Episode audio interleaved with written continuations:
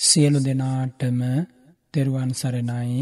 අද ඉරිදා සිත්නෙත් අසපුුවෙන් ඔබට ඇසෙන මේ ධර්ම දේශනාව සඳහා දායකත්වය දරනු ලබන්නේ නාලක නානායක්කාර මැතිතුමා සජිමි හෙට්ටිආරච්චි මහත්මිය ඇතුළු ක්‍රිෂාල් ටියාරා ඔනාරායන දරුත්ති දෙනා ඇතුළු ඒ පවුලේ සියලු දෙනාම උතුම් ධර්මාවබෝධය බලාපොරොත්තුවෙන් එවගේම මිය පරලව ගිය ඥාතිහිතවතුන්ට පිම්පෙත් පැමිණවීම ආදී සත්පුරුෂ ප්‍රාර්ථනා සිත්හි දරාගෙනයි මේ උතුම් ධර්මදානය සිද්ධ කරනු ලබන්නේ. දැන් අපි සියලු දෙනාම මේ උතුම් ධර්මය ශ්‍රවණය කිරීම පිණිස සියලු දෙවියෝ දිවකන් යොමත්වා කියන ආරාධනාවෙන් යුතුව දේවාරාධනාව සිද්ධ කරමු. සමන්තාචක්කවාලේසු අත්ත්‍රාගච්හන්තු දේවතා සද්ධම්මං මුනිරාජස්ස සුනන්තු සග්ගමොක්හදම් ධම්මසවන කාලෝ අයං භදන්තා ධම්මසවන කාලෝ අයං භදන්තා ධම්මස්සවන කාලෝ අයං භදන්තා සුවිසුද්ධ සීලේසු සින්ධූපමස්ස සමාධි ධම්මේසු පට්ඨවී සමස්ස අනන්ත ඥානේසු ගගනූපමස්ස නමාමි සිරසා සිරිගෝතමස්ස පිරිසිදු සිල්කන්ද සමුදුරසේමා නිසාල සමාධිය මිහිකතසේමා අනන්තඥානය අහසක්සේමා සිරිපා අභියස පිණිපාවේවා මෝහන්ධකාරේසු සුරියූපමස්ස සංසාරසෝතේසු සේතෝපමස්ස දෝසප්පවාහේසු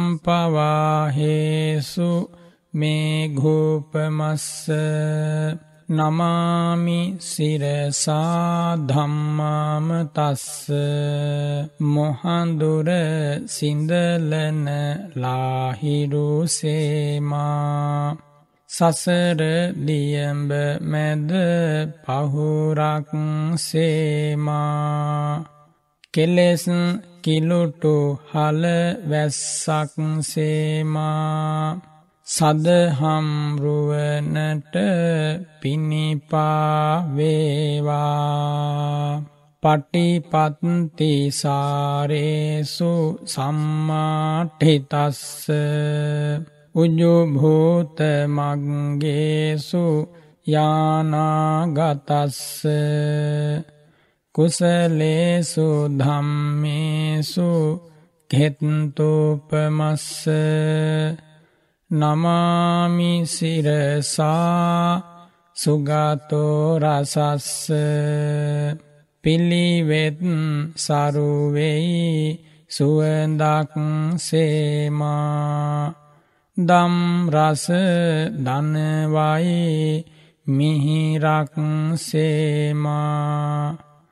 පින් ගඟ ගලනා නිම්නය සේමා. මහා සංගරුවනට පිණිපාවේවා. සාධු සාධු සාධු. නමෝතස්ස භගවතෝ අරහතෝ. සම්මා සම්බුද්ධස්ස නමෝතස්ස භගවතෝ අරහතෝ සම්මා සම්බුද්ධස්ස නමෝතස්ස භගවතෝ අරහතෝ සම්මා සම්බුද්ධස්ස චතුහි භික්ඛවේ ධම්මේහි සමන්නාගතෝ අසප්පුරිසෝ වේදිතබ්බෝති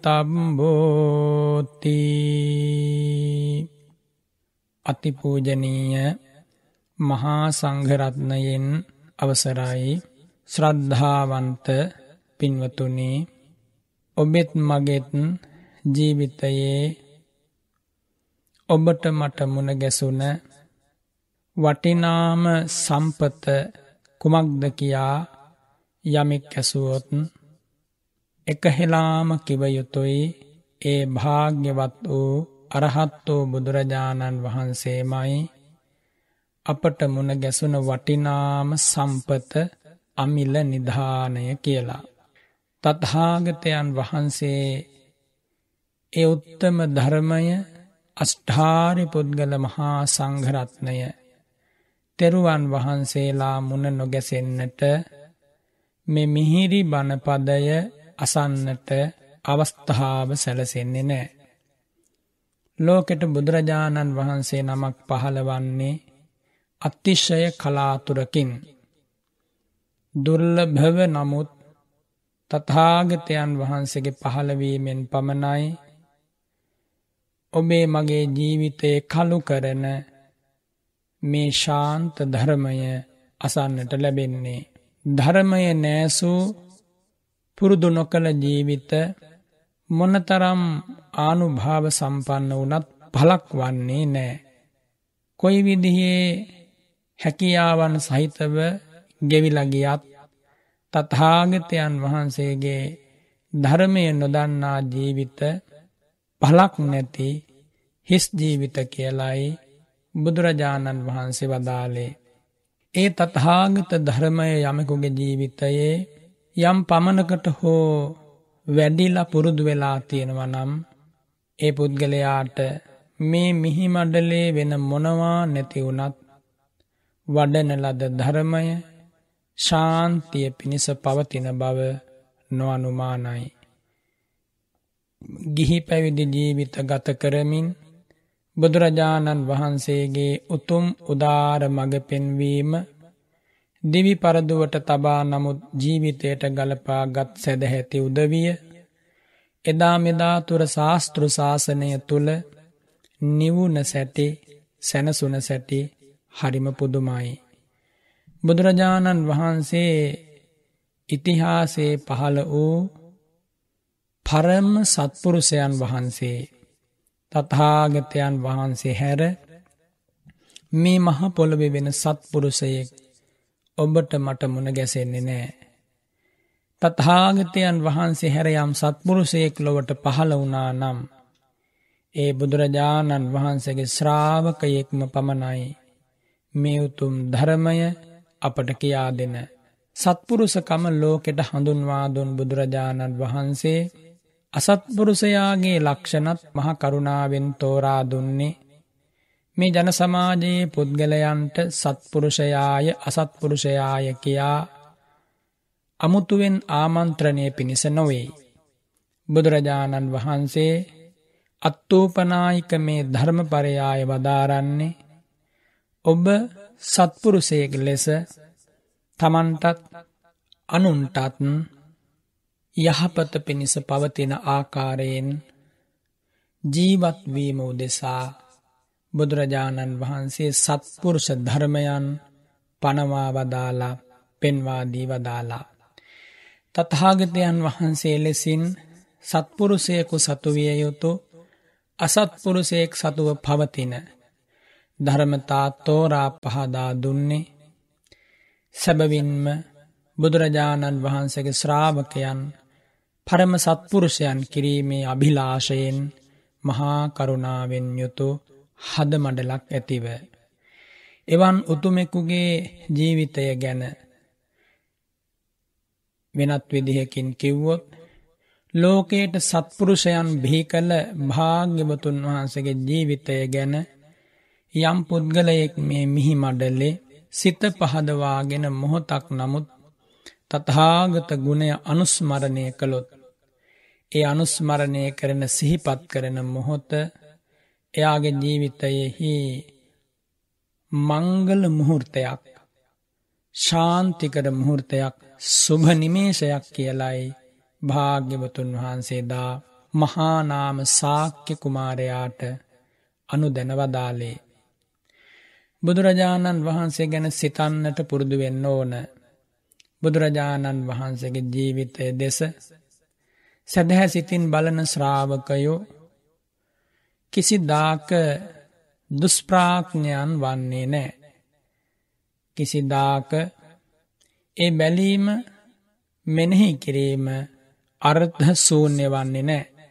බුදුරජාණන් වහන්සේගේ අසිරිමත් ජීවිතය දෑසින් දැකගන්නට නොහැකි වුණත් ඔබට මට ඒ අනුත්තර ශාන්ත ගුණ සමුදාය දැනෙන තේරෙන විදියට සිහි කරන මාත්‍රයෙන් හිතට නැගෙන පහන් හැඟුම් මොන්න තරන්නම් සිතගත නිවාලනවද කියන මෙ කරුණ මේ බණපද යහන කාට කාටත් අඩු වැඩි වශයෙන් ප්‍රත්‍යක්ෂකාරණයක්.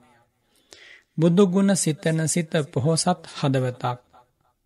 බුදුරජාණන් වහන්සේගේ ගුණසිහි කිරීම නම් වූ අනුස්සති භාවනාවෙන් සසුනට ඇතුල්වන ශ්‍රාවකයා උපසමානුස්සතිය නම් වූ උත්තම භාවනාව නිර්වාණ සුවය මෙනෙහි කිරීම නම් උත්තම භාවනාව දක්වා අනු පිළිවෙලින් දියුණු කරලා ධර්මාවබෝධයෙන් යුතුව තත්හාගතයන් වහන්සේගේ රූපකායට ධර්මකායට හිමි ආශ්චරයමත් ආනුභාව සම්පන්න උත්තම භූමිය මේ ජීවිතය තුළදීම හඳුනා ගන්නවා.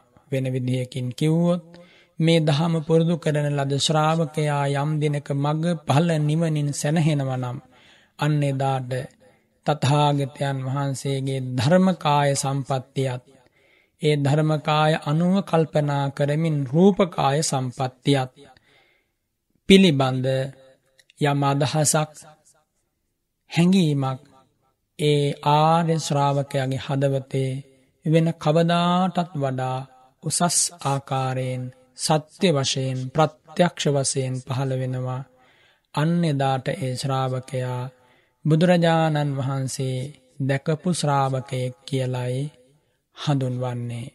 එතනින් මෙහා පැත්තේ ඉන්න කවුරු වනත් තතාගත සිරිපා අනුව පිටුපසින් ගමන් කළත්. සැබවින්ම බුදුරජාණන් වහන්සේ කවුද කියලා දැකගන්නට සමත් වන්නේ නෑ. එනිසා තථාගතයන් වහන්සේ දැක ගැනීම යනු මේ උතුම් ධර්මය දැක ගැනීම කියලා එක්තරා විදිහකට බුදුරජාණන් වහන්සේ දේශනා කොට වදාලා.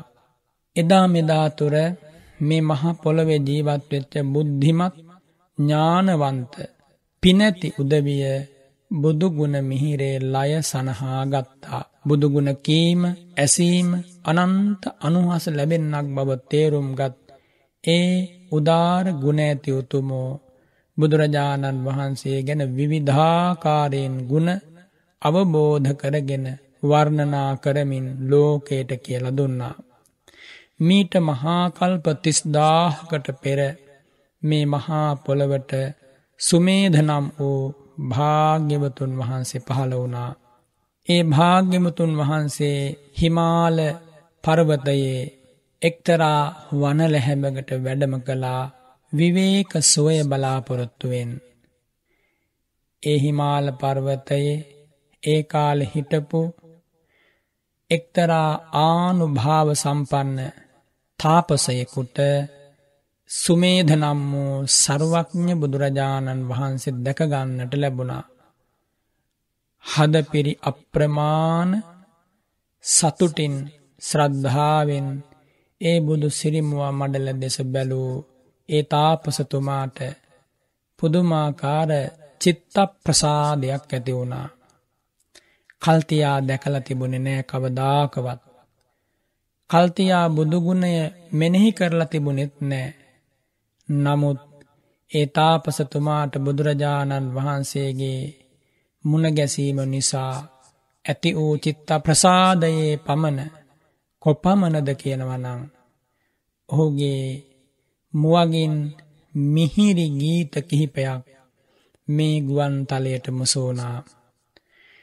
තුවං සත්තාච කේතුච ධජෝයුපෝච පානිනං පරායනෝ පතිට්ඨාච දීපෝච දිපදුත්තමෝ නේපුඤ්ඥෝ දස්සනේ වීරෝ තාරේසි ජනතංතුවං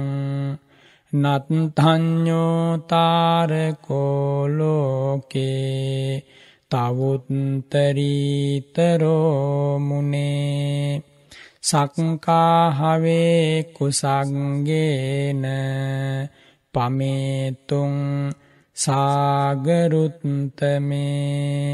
නත්වේව තව සම්බඥෝ ඥානං සක්කාපමේතවේ තුලාදන්ඩේ ටපෙත්වාන මහිංසක්කාධරේතවේ නත්වේව තව පඤ්ඥාය පමානමත්හිචක්කුම ආකාසෝ මිනිතුන් සක්කා රජ්ජුයා අංගුලේනවා නත්වේව තව සම්බඥෝ සීලං සක්කාපමේදවේ මහා සමුද්දේ උදකං ආකාසෝච වසුන්ධරා පරිමෙයානි ඒතානි අපපමෙයාසි චක්කුම මෙන්න මේ මිහිරි ගීපද ඒ තාපසතුමාගේ මුවගින් පිට වුණා. බුදුරජාණන් වහන්සේගේ ගුණ කැටි වූ මේ ගාථාවන්හි තේරුම මම ඔබට සිහි කරලා දෙන්නම්. තුවන් සත්හාචකේතෝච ධජෝයූපෝච පානිනං ස්වාමීනී සුමේධනම් වූ බුදුරජාණන් වහන්ස ඔබ වහන්සේ දෙවි මිනිසුන්ට ශාස්තෘූන් වහන්සේ වනසේක ලෝකයේ අග්‍රස්ථානයට පත් වූ සේක. සියලු සත්වයන්ට එක්කම රැකවරණය වනසේක එකම පිහිට වනසේක ලෝ සතුන් අන්ධකාරයේ ගමන් කරන විට භාග්‍යවතුන් වහන්සේ ප්‍රඥා පහන් ප්‍රදීපය දැල්ලූ දෙපා ඇති අය අතර අග්‍රස්ථානයට පත් උතුමන් වහන්සේ වනසේක. ස්වාමීනී භාග්‍යවතුන් වහන්සේ දැකීමෙන්ම මාගේ සිත පැහැදෙනවා. තථාගතයන් වහන්සේ අපම්මන සත්වගක් සසරදුකින් එතර කරවා ශාන්තාම නිවනට පැමිණෙව්වා. ස්වාමීනී නත්හඥෝ තාරකෝ ලෝකේ තවුත්තරීතරෝ මුණේ ඔබ වහන්සේට වඩා වෙනයම් කෙනෙක් මේ ලෝකයේ කිසිදාක මුණ ගැසෙන්නේ නෑ. මේ සත්වයන්ට හිතසුව පිණිස පිළිපන් ශාන්තිය ලබා දෙන ස්වාමීනි භාග්‍යවතුන් වහන්ස. මේ මහා සාගරය යම් දිනක මැනලා කිරලා ජල ප්‍රමාණය ප්‍රමාණ කරලා කියන්න පුළුවන්. එහෙත් ස්වාමීනී ඔබ වහන්සේගේ ඥානය නුවන මෙපමණයි කියලා මැනල කිරල කියන්න බෑ. නත් වේව තව සම්බඥූ ඥානන් සක්කා පමේතවේ. ස්වාමීනි භාග්‍යවතුන් වහන්ස තුලා දණ්ඩේ ටපෙත්වාන මහින්සක්කා ධරේතවේ. ස්වාමිනි මේ මහා පොළව තරාදියක තබල යම් විදිහකින් කිරන්නට පුළුවන් වෙයි. හැබැයි ස්වාමීනී දහම් ඇස් ඇති ධර්මරාජයානෙනි තත්හාගතයන් වහන්සගේ ප්‍රඥාව නම් කිසිවෙකුටත් මේ ලෝකේ ප්‍රමාණ කරන්න බෑ මනින්ද බෑ. ස්වාමීනී භාග්‍යවතුන් වහන්ස ආකාසෝ මිනිතුන් සක්කා රජ්ජුයා අංගුලේනවා මේ හිස් සහකාසය රැහැනකින් හෝ අඟල් ගණනින් හෝ උත්සාවත් වනොත් යමෙක් ලෝකෙ මනීවී හැබැයි ස්වාමීනී භාග්‍යවතුන් වහන්සේගේ මහා සීලය ප්‍රමාණ කරන්න මනින්න මේ ලෝකෙ කාටවත් බෑ. මහා සමුද්‍රයේ ජලය අහසේ ප්‍රමාණය මහපොළවෙ ප්‍රමාණය මේ සියල්ල ස්වාමීනී ප්‍රමාණ කර වස්තුහුන් මයි. අප්පමේ යාසි චක්කුහම තතාගතයන් වහන්සේ අප්‍රමේය වූ ප්‍රමාණයක් මිනුමක් කිරුමක් කරන්නට බැරි අතුල්්‍ය වූ වස්තුවක්මයි කියල ඒ තාපසතුමා සුමේධ බුදුරජාණන් වහන්සේගේ සිරිපා අභියස දනින් වැටුණා.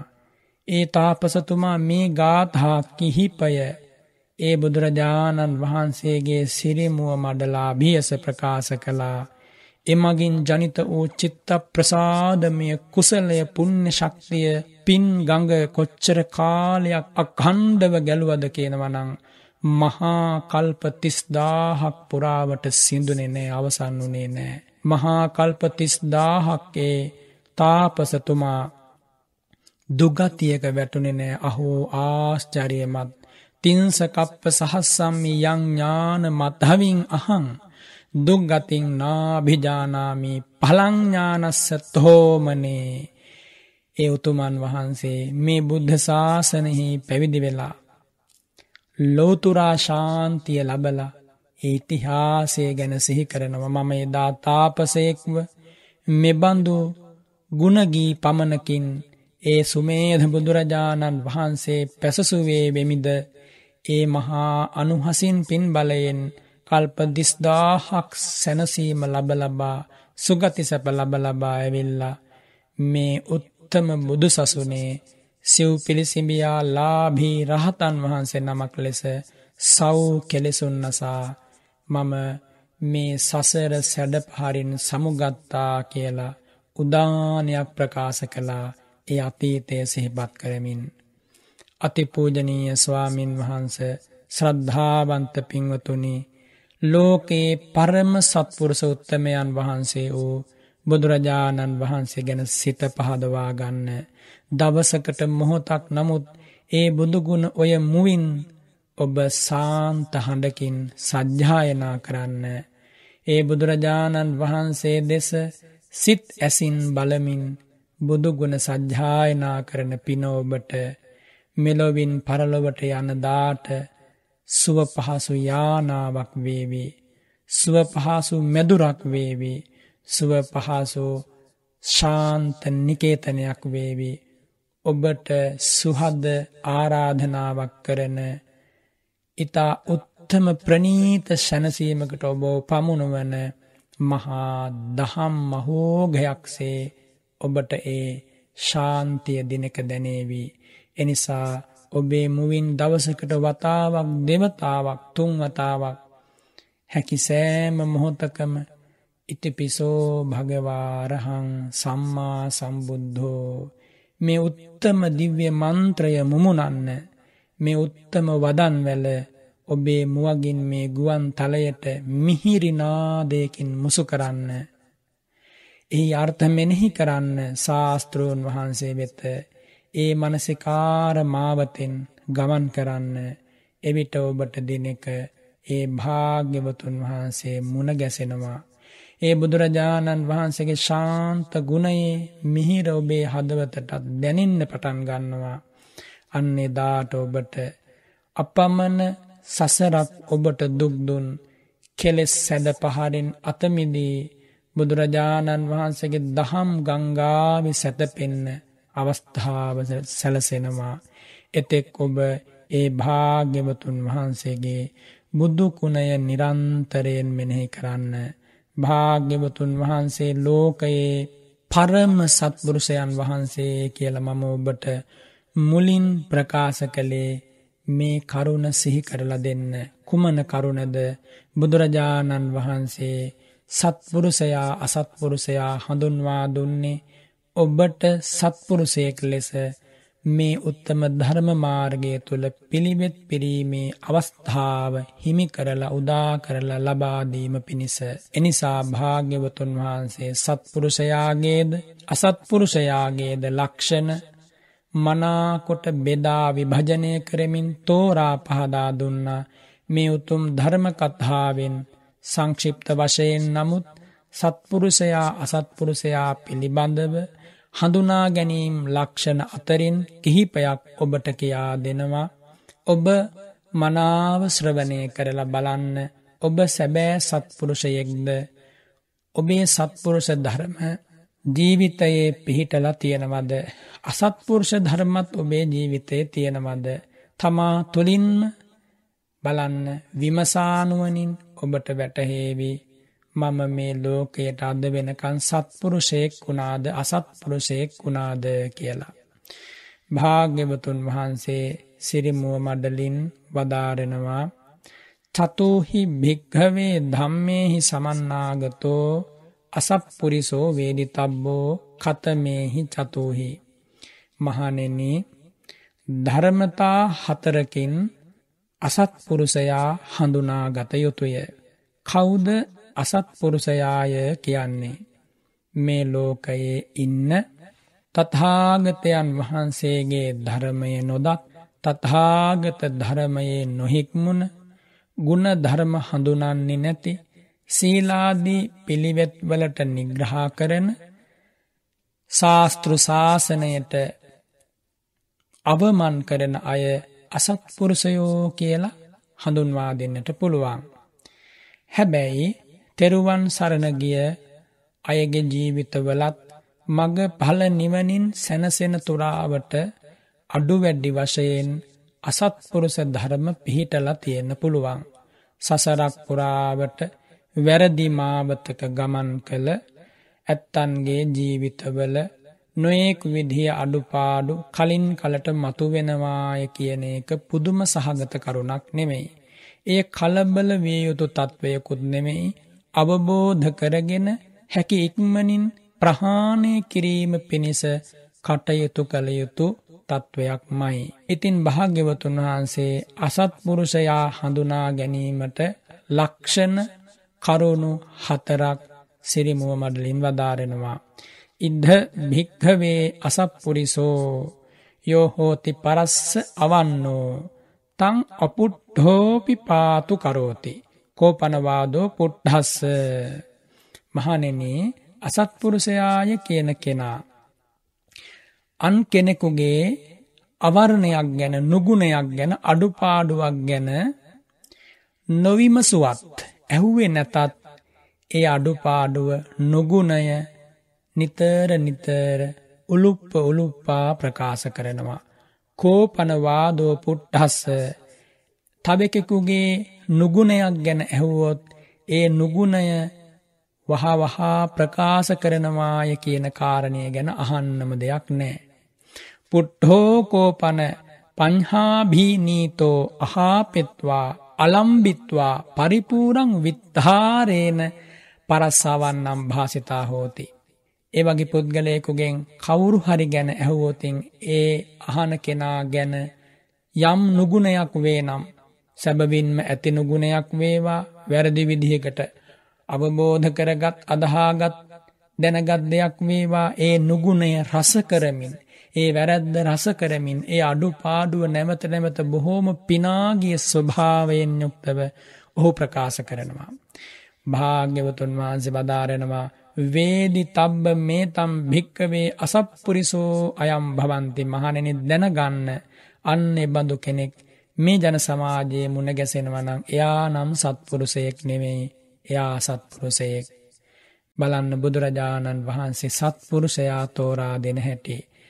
ඔබෙන් හෝ මගෙන් යමෙකු ගැන යම් පුද්ගලයෙක් විමසනවා. අපි දන්නවා ඒ පුද්ගලයාගේ අඩුපාඩු නුගුණ වැරදි බොහෝ තියෙනවා කියලා. ඔබ ඒ පුද්ගලයා ගැන විමසී මාත්‍රයෙන් සැම ඇතැම්මිට විමසන්නත් කලින් ඒ පුද්ගලයාගේ අඩුපාඩු නුගුණ ඕපාදෝප මෙව්ව ප්‍රකාශ කරනවනං. යම් විදිහකින් යමෙක් ඇහුවට පස්සේ වඩ වඩාත් රස කරමින් වඩ වඩාත් මතු කරමින් වැඩි වැඩියෙන් නුගුණ ප්‍රකාශ කරනවනම් කවුරු ගැන හෝ වේවා? ඔබ හෝ මා එහෙනම් සත්පුරුෂයෙක් නෙවෙයි මේ උත්තම ධර්මයට අනුව. අහන කෙනා ගැන නොයෙක් ගුණ තියෙන්න පුළුවන් නොගුණ තියෙන්න පුළුවන්. නොයෙක් විදි අඩුපාඩු තියෙන්න පුළුවන් සත්‍ය වශයෙන්ම ඔහු අසත්පුරුෂයෙක් වෙන්නත් පුළුවන් හැබැයි ඔබෙන් මගෙන් ඔහු ගැන ඇහැව්වෝත් ඔබ මා ඉතා කැමැත්තෙන් ඔහුගේ නුගුණ කතා කරනවනං අහන්න පෙරාතුවම ඔහුගේ නුගුණ නැවත නැවත කියනවනං අඩුපාඩු හොය හොයා කතා කරනවනං ඔබත් මාත් අසත්පුරුසයෙක් කියලයි බුදුරජාණන් වහන්සේ වදාලේ. හොඳට තේරුම් ගන්න මේ කාරණය මේ වත්මන් ජන සමාජයේ මෙකරුණු හරියට තේරුම් නොගත්තොත් මේ උත්තම ධර්මය තුළට ඇවිල්ල සසරදුකෙන් අතමිදීම පිණිස පිළිවෙත් පිරීම සඳහා පින තියෙන උදවිය පවා අසත්පුරුෂ ධර්මවලට හසුවෙන්න පුළුවන්. මේ වගේ කාලයක ගත්තොත් කංවලින් නොයෙක් විදිහ දේවල් අසන්න ලැබෙනවා. දෑසෙන් නොයෙක් විදිිය තොරතුරු දකින්න ලැබෙනවා. මේ සමස්තය සමග ඔවුනොවුන් හා කතා කරන්න සිද්ධ වෙනවා. කතා කරන වච්චනයක් පාසා වැඩෙන්නේ අසත්පුරුෂ ධර්මනම් මේ උත්තම ශාසනයෙන් පලක්ගන්නට ප්‍රතිඵලයක් ලබන්නට පුළුවන් වෙයිද කියලා ඔබම සිහි කරන්න. බුදුරජාණන් වහන්සේ අසත්පුරුෂයා හඳුනා ගැනීමේ දෙවන කාරණය වදාරෙනවා පුනච පරම් භික්හවේ අසප්පුරිසෝ යෝහෝති පරස්ස වන්නෝ තම් පුට්හෝ පින පාතු කරෝති. මහනෙන මේ ලෝකයේ යම් අසත්පුරුසයකින්නවා එයා යමෙකුගේ ගුණයක් ගැන ඇහුවත් ඒ ගුණය හරියට කියන්නේ නෑ. කටපුරවා ඒ ගුණය කියන්නට එයාට සිත් පහළවන්නේ නෑ. කෝපනවාදෝ අපුට්හස්ස මහනෙන යමෙකුගේ ගුණයක් ගැන ඇහුවොත් කියන්නවත් හිතෙන් නැති ඒ පුද්ගලයා ඇහුවේ නැත්නම් කියයි කියලා හිතනවද? කියන්නේ නෑ. පුට්හෝ කෝපන පංහාබී නීතෝ හාපෙත්වා ලම්බිත්වා අපරිපූරං අවිද්ධාරේන පරස්සවන්නම් භාපිතා හෝති. යමෙක් ඔබෙන් හෝ මගෙන් අහනම යමෙකු පිළිබඳව. අසබල් කෙනා සිල්වතෙක් නේද? ගුණවතෙක් නේද? දන් දෙනව නේද? දක්ෂයෙක් නේද? හොඳ හිත තියෙන කෙනෙක් නේද? මේ මේ උදාර ගුණ ඔහුගේ ජීවිතේ තියෙනවා නේද කියලා ගිහි කෙනෙක් ගැන වේවා පැවිද්දෙක් ගැන වේවා සාමාන්‍ය මිනිසෙක් ගැන වේවා කවුරුන් හෝ ගැන විමසනවා. එහෙම විමසුවාට පස්සේ ඔබට හෝ මට ඒ පුද්ගලයාගේ ඇති ගුණය ගැන කියන්නට හිතෙන්නේ නැත්නම් ඒ පුද්ගලයාගේ පෙනෙන ප්‍රකට උදාර ගුණය ගැන ඔබේ හෝ මගේ මුවින් ප්‍රකාශ කරන්නට හිතෙන්නේ නැත්නම් ඔබ අසත්පුරුෂ ධර්මයෙන් යුක්ත කෙනෙක් මාත් අසත්පුරුෂ ධර්මයෙන් යුක්ත කෙනෙක්. බුදුරජාණන් වහන්සේ වදාරෙනවා යමෙක් ඇහුවට පස්සේ යාන්තමින්නේ ගුණය කියනවා. ඇහෙන්න කියන්නේ නෑ හරි මසුරු වෙනවයේ ගුණය කියන්න. හරීම ලෝභ වෙනවයේ ගුණය කියන්න. යාන්තමින් ඔළුව වනලා යාන්තමින් අනුමත කරනවා සතුටින් පිනාගිය මුහුණකින්නේ ගුණය කියන්නේ නෑ. බුදුරජාණන් වහන්සේ වදාරනවා වේදි තබ්බ මේ තම් භික්කවේ අසත්පුරිසෝ අයම් භවන්ති මහනෙනි දැනගන්න ඒ පුද්ගලයා අසත්පුරුසයෙක් කියලා වෙනත් විදිහකින් ප්‍රකාශ කළොත් යම් පුද්ගලයෙක් සතුවන ගුණයක් පිළිබඳව යමෙකු යමෙකුගෙන් ඇහුවොතින් ඇහුවට පස්සේ ඉතාම අඩුවෙන් සොච්චම් විදිහට එය ගණන් නොගෙන හැල්ලුවට පත් කල්ල කතා කරනවනං ඒ පුද්ගලයාගේ මානසිකත්වය අසත් පුරුස මානසිකත්වයක්. එනිසා ඔබ මෙකරුණ හොඳට ශ්‍රවණය කරන්න සිත්හි දරාගන්න ජීවිතයට ගලපාගන්න බුදුරජාණන් වහන්සේ වදාරෙනවා අසත්පුරුෂයාගේ තුන්වන ලක්ෂණය. පුනච්ච පරම් භික්කවේ අසප්පුරිසෝ යෝහෝති අත්තනෝ අවන්නෝ. තම් පුට්හෝපි න පාතු කරෝති මහනෙන මේ ජන සමාජය යම් පුද්ගලයකින්නවා ඒ පුද්ගලයා තමාගේ නුගුණයක් අඩුපාඩුවක් ගැන කවුරුහරි කෙනෙක් විමසනවා. ඔබේ මෙන්න මේ වැරැද්ද තියෙනවා නේද? ඔබ මෙහෙම වැරැද්දක් කළා නේද? ඔබ මෙන්න මේ බඳු අසත් ධර්ම කටයුත්තක නියලුණා නේද? මෙන්න මේ අඩුපාඩුව මෙන්න මේ දුර්ගුණේ ඔබ සතුව පවතිනවා නේද? ඔබ මෙතනදී හැසිරෙච්ච විදිය වැරදි නේද? ආදී වශයෙන් යම් කෙනෙක් ඔබ පිළිබඳව හෝ මා පිළිබඳව හෝ යමෙකු පිළිබඳව විමසනවා. විශේෂයෙන් මෙතන අදාළ වෙන්නේ තමා පිළිබඳව තමාගේ නුගුණයක් තව එකෙකු ඔබගෙන් හෝ මගෙන් විමසීම. අන්න එහෙම විමසද්දී අසත්පුරුෂ අදහස් තියෙන කෙනා මොකද කරන්නේ තමන්ගේ වැරැද්ද සඟවනවා. තමන්ගේ අඩුපාඩුව කියන්නේ නෑ මොනම විදිහකින්වත්. කිසිසේත්ම එය ප්‍රකට කරන්නේ නෑ ආවී කරණය කරන්නේ නෑ. කෝපනවාදව පුට්හස්ස ඇහුවත් තමන්ගේ අඩුපාඩුවක් කියන්නේ නැති කෙනා. ඇහුවේ නැත්තං කොහොමවත් කියන්නේ නෑ. බුදුරජාණෝ වදාරනවා පුට්හෝ කෝපන පංහාභීනීතෝ හාපෙත්වා ලම්බිත්වා අපරිපූරං අවිද්ධාරේන අත්තනෝ අවන්නම් භාසිතා හෝති. ඇහුවොත් එහෙම වැරැද්දක් පිළිබඳව යාන්තමින් නොකියාම බැරි නිසා ඒ ගැන යාන් වචනයක් දෙකක් මොමුණනවා විස්තර වශයෙන් කියන්නේ නෑ.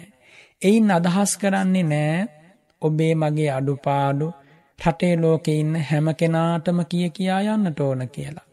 භික්‍ෂූන් වහන්සේ නමක් වුණහම උපසපන් භික්‍ෂූන් වහන්සේ කෙනෙක් අතින් යම් වැරැද්දක් සිද්ධ වුණොත් ඒ වැරැද්ද පිළිබඳව සාමනේර නමකටවත් කියන්නට අවසරයක් නැහැ.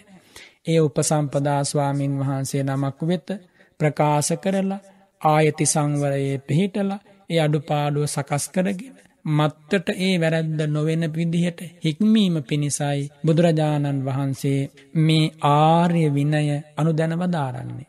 ගිහි ගෙදරක ඉන්න කෙනෙක් අපි ගත්තොත් දෙමව්පියෝ විමසනවා දරුවන්ගෙන් දෙමව්පියන්ට ආරංචි වූ තම දරුවන්ගේ අඩුපාඩු පිළිබඳව වැරදි පිළිබඳව. දරුවෝ ඒ දේවල් ගැන කියන්නේ නැතුව ඒ දේවල් සඟවනවා වසන් කරනවා. නැතෙයි කියලා මුසා බස් ප්‍රකාශ කරනවා. අන්නේම මුසා බස් ප්‍රකාශ කරන හෝ අඩුපාඩුව වැරැද්ද ගැන ඇති හැටියෙන් ඇති පමණින් තම දෙමව්පියන් වෙත පලට නොකරන ප්‍රකට නොකරන දරුවෝ සත්පුරුෂයෝ නෙමෙයි අසත්පුරුෂයෝ කියලයි බුදුරජාණන් වහන්සේ වදාලේ යම් භාර්යාවක් තම ස්වාමියා වෙත යම් ස්වාමියෙක් තම භාර්යාව වෙත තමන්ගේ ජීවිතය සිද්ධ වෙච්ච අඩුපාඩු ගැන ප්‍රකාශ කරන්නේ නැත්නම් ඒ අඩුපාඩු සංගවාගෙන ඉන්නවනම් වැරදි වහගෙන ඉන්නවනම් වහගෙන ඉන්න තාක් ඔවුනොවුන්ට ඔවුනොවුන් අසත්පුරුෂයන් බවට පත්වෙනවා. යම් දරු පිරිසක් ගුරුවරුන් නිදිරියේ තමන්ගේ වැරැද්ද ගැන ප්‍රකාශ කරන්නේ නැත්නම් එය වසාගෙන ඉන්න තාක් එය සඟවන තාක් ඒ දරුවෝ ගුරුවරුන්ට සත්පුරුෂයෝ වෙලානය අසත්පුරුෂයෝ වෙලා. මේ ජන සමාජයේ ඕනෑම පුද්ගලයෙක් තමාගේ තරාතිරම අනුව තමන්ගේ වැඩිහිටියන්ට ඥාතීන්ට හිතවතුන්ට ආයතන ප්‍රධානීන්ට ආදී වශයෙන් ඒ ඒ පුද්ගලයට යම් වගකීම් සමුදායක් ඉටු කළ යුතුව පවතිනවා. ජන සමාජයක පැවැත්ම තාන්ත්‍රණය ක්‍රමවේදය සකස් වන්නේ ඒ ආකාරයෙන්. ඒ සෑම තැනකදීම තමන්ගේ ජීවිතයේදී තමන්ගේ ජීවිතය තුළ සිද්ධ වන නොයෙක් විදි අඩුපාඩු අඩුලොහුටුකම් මග හැරීම් අතපසුවීම් මේ වගේ දේවල් සිද්ධ වෙන්නට පුළුවන්. ඒ දේවල් සිද්ධ වුණාට පස්සේ ඒ දේවල් ගැන යමෙක් ඔබෙන් විමසුවොත් ඔබ ඒ දේවල් දැන දැන වසං කරනවනං හැකියාව බේරා ගැනීම වෙනුවෙන් හෝ වෙනයම් වරප්‍රසාදයන් වෙනුවෙන් හෝ ඔබට ලැබී ඇති ලාභ සත්කාර කීර්තිනාම නැතිවෙයි කියලා හෝ ඔබ ඒ කරුණු වසන් කරනවනං සඟවනවනං ඔබ තුළ සත්පුරුෂ ධර්මයක් නෑ කියල ඔබ සිහිකරගන්න. ශාස්තෘූන් වහන්සේ ලෝකයට දුන් ධර්මදායාදය ඔබේ ජීවිතයට ලැබිල නෑ කියල ඔබ සිහි කරන්න. ගිහි වේවා පැවිදිවේවා පිහැමෝම චතුරාර්ය සත්‍යාවබෝධය පිණිස පිළිපදින ශ්‍රාවකයන් නම් මේ ජීවිතයේ සෑම තැනකම සෑම අන්සයකම සෑම මොහොතකම මෙකී සත්පුරුෂ ධර්මයන් රඳවා ගන්නම වෙනවා. බුදුරජාණන් වහන්සේ වදාරෙනවා යමෙක් ජීවිතය ගැන යමෙකුගේ ජීවිතයේ තියෙන අඩුපාඩුවක් ගැන කවුරුවාරි කෙනෙකු වගගේ යුත්තෙක් විමසුවොත් එයා සලකන්නට ඕන මේ අහන දේ මගේ ජීවිතයේ වැරද්දක් හැටියට සිද්ධ වෙලා තියෙනවනම් මම ඒ දේ අභීතව ප්‍රකාශ කරනවා. අප මහා බෝසතාණන් වහන්සේ පෙර සංසාර ගමන් වලදී. පාරමී ධර්ම පූරණය කරපු භූමීන් හිදී සත්‍ය වචනය දිවි හිමියෙන් ආරක්ෂා කලා. කිසිදාක කිසිවෙකු රවට්ටල විනාසයට පත් කරන්න තමන්ගේ ජීවිතය තිබ්බ නොගුණයන් සැඟෙව්වෙනෑ. නුගුණේ නුගුණේ විදිහටත් ගුණේ ගුණේ විදිහටත් හඳුනන පෝසත් හදවතක් තිබුණ ඒ මහබෝසතාණන් වහන්සේ මෙදා ලෝතුරා බුද්ධ රාජ්‍යයට පත්වෙලා සත්පුරුෂයන් අතර පරම සත්පුරුෂයන් වහන්සේ නමින් ලෝකයේ යුග ගණනාවක් පවතින කීර්ති නාමයක් සටහන් කරලා ඉතුරු කරලා දෙව් මිනිසුන්ගේ හදවත්වල සදා අනුස්මරණීය මතකයක් ඉතිරි කරලා ඒ භාග්‍යවතුන් වහන්සේ පිරිනිවන් වැඩියේ මෙකේ සත්පුරුෂ ධර්මයන්හි අනාදිමත් කාලයක් එක්කම සිතකින් පිහිටල තිබුණ නිසා. එනිසා යමෙක් ඔබේ ජීවිතය ඇති අඩුපාඩු පිළිබඳව ඇහුවොත් විමසුවොත් කීමට සුදුසු කෙනෙක් නම් කිසිම වෙලාවක ඔබ මැලිවෙන්නට එපාය අඩුපාඩු පිළිබඳව ප්‍රකාශ කරන්න. යමෙක් ඔබේ ජීවිතේ විවේචනය කරන්න හැල්ලු කරන්න අපවාද උපවාද නින්දා ගර්හා කරන්න ඔබට අවමං කිරීම බලාපොරොත්තුවෙන් නම් අහන්නේ ඒ වගේ පුද්ගලයන් ඉදිරියේ ඔබ විවෘතවය යුතුයි කියනක නෙමෙයි මේ කියන්නේ. යම් මොහොතකදී යම් විනිශ්චයකද යම් අවස්ථාවකදී ප්‍රශ්නයක් ඇසුවතින් ඔබේ අඩුපාඩුවක් පිළිබඳව ඒ අඩුපාඩුව වහන්න යනවනං වැසීමේ බලාපොරොත්තුව හිතේ ඇති වෙනවනං ඒ මොහොතේ සත්පුරුෂ ධර්මයෙන් ඔබ ඉවත් වෙලා අසත්පුරුෂ ධර්මයට බැසගන්නා කෙනෙක් වෙනවා. ඒ කරුණ හොඳට සැලකිල්ලෙන් සිත්හි දරාගන්න ඒ අඩුපාඩු ඔබේ ජීවිතේ තියෙනවනං වහාම එය නිවැරදි කරගන්න බුදුරජාණන් වහන්සේ වදාරනවා භික්‍ෂූන් වහන්සේ නමක් මේ ශාසනයේ දියුණුවෙන් දියුණුවට යනවනං එයා තුළ තිබිය යුතු වටිනාම ගුණයක් තමයි යත්හා භූතං අත්තානම් පාතු කරෝති කියන මෙන්න මේ ගුණය කුමක්ද තමාගේ ඇති අඩුපාඩු වැරදි අඩු ලුහුඩුකම් ගැන එකට ඉන්න සබ්‍රහ්මචාරීන් වහන්සේලා දැනුවත් කරන්නට ඕන. සුදුසු පරිදි සුදුසු වෙලාවේ දැනුවත් කරන්නට ඕන. ඒ දැනුවත් කිරීම තුළින් තමන්ගේ අභ්‍යන්තර චරිතය පිළිබඳව ස්වයං විවේචනයක් සිද්ධ වෙනවා වගේම සෙසු සබ්‍රහ්මචාරීන් වහන්සේලා දැනගන්නවා මේ ස්වාමින් වහන්සේට මේ භික්ෂුවට මෙන්න මේ අඩුපාඩුව තියෙනවා. ඒ අඩුපාඩුවෙන් ගොඩ එන්නට එයින් බේරෙන්න්නට අපි උදව් කරන්නට ඕන කියන ඒ අදහස ඇති වෙනවා. බුදුරජාණන් වහන්සේ වැඩ හිටපු කාලේ හිටපු ස්වාමීන් වහන්සේලා හරිම් පුදුම අවංක චරිත. ඒ උතුමන්ගේ ජීවිතවල බරපතල වැරදි සිද්ධ වෙච්ච අවස්ථා තියෙනවා. ඒ අවස්ථාවල වැරදි සිද්ධ වුණා හැඟීමට වසඟ වුණා දැන් කරගන්න දෙයක් නෑ හැබැයි වහාම ඒ භාග්‍යවතුන් වහන්සේ වෙත ගමන් කළා. වෙච්ච අඩුපාඩුව වැරැද්ද අහන්නත් කලින් ප්‍රකාශ කළා. රහතන් වහන්සේලා ඉදිරියේ තම චරිතය විවරණය කළා විවර කළා.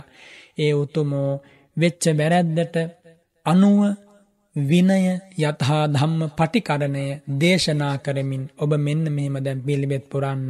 ඔබට මෙබඳු ගනේ වැරැද්දක් වෙලා තියෙනවා.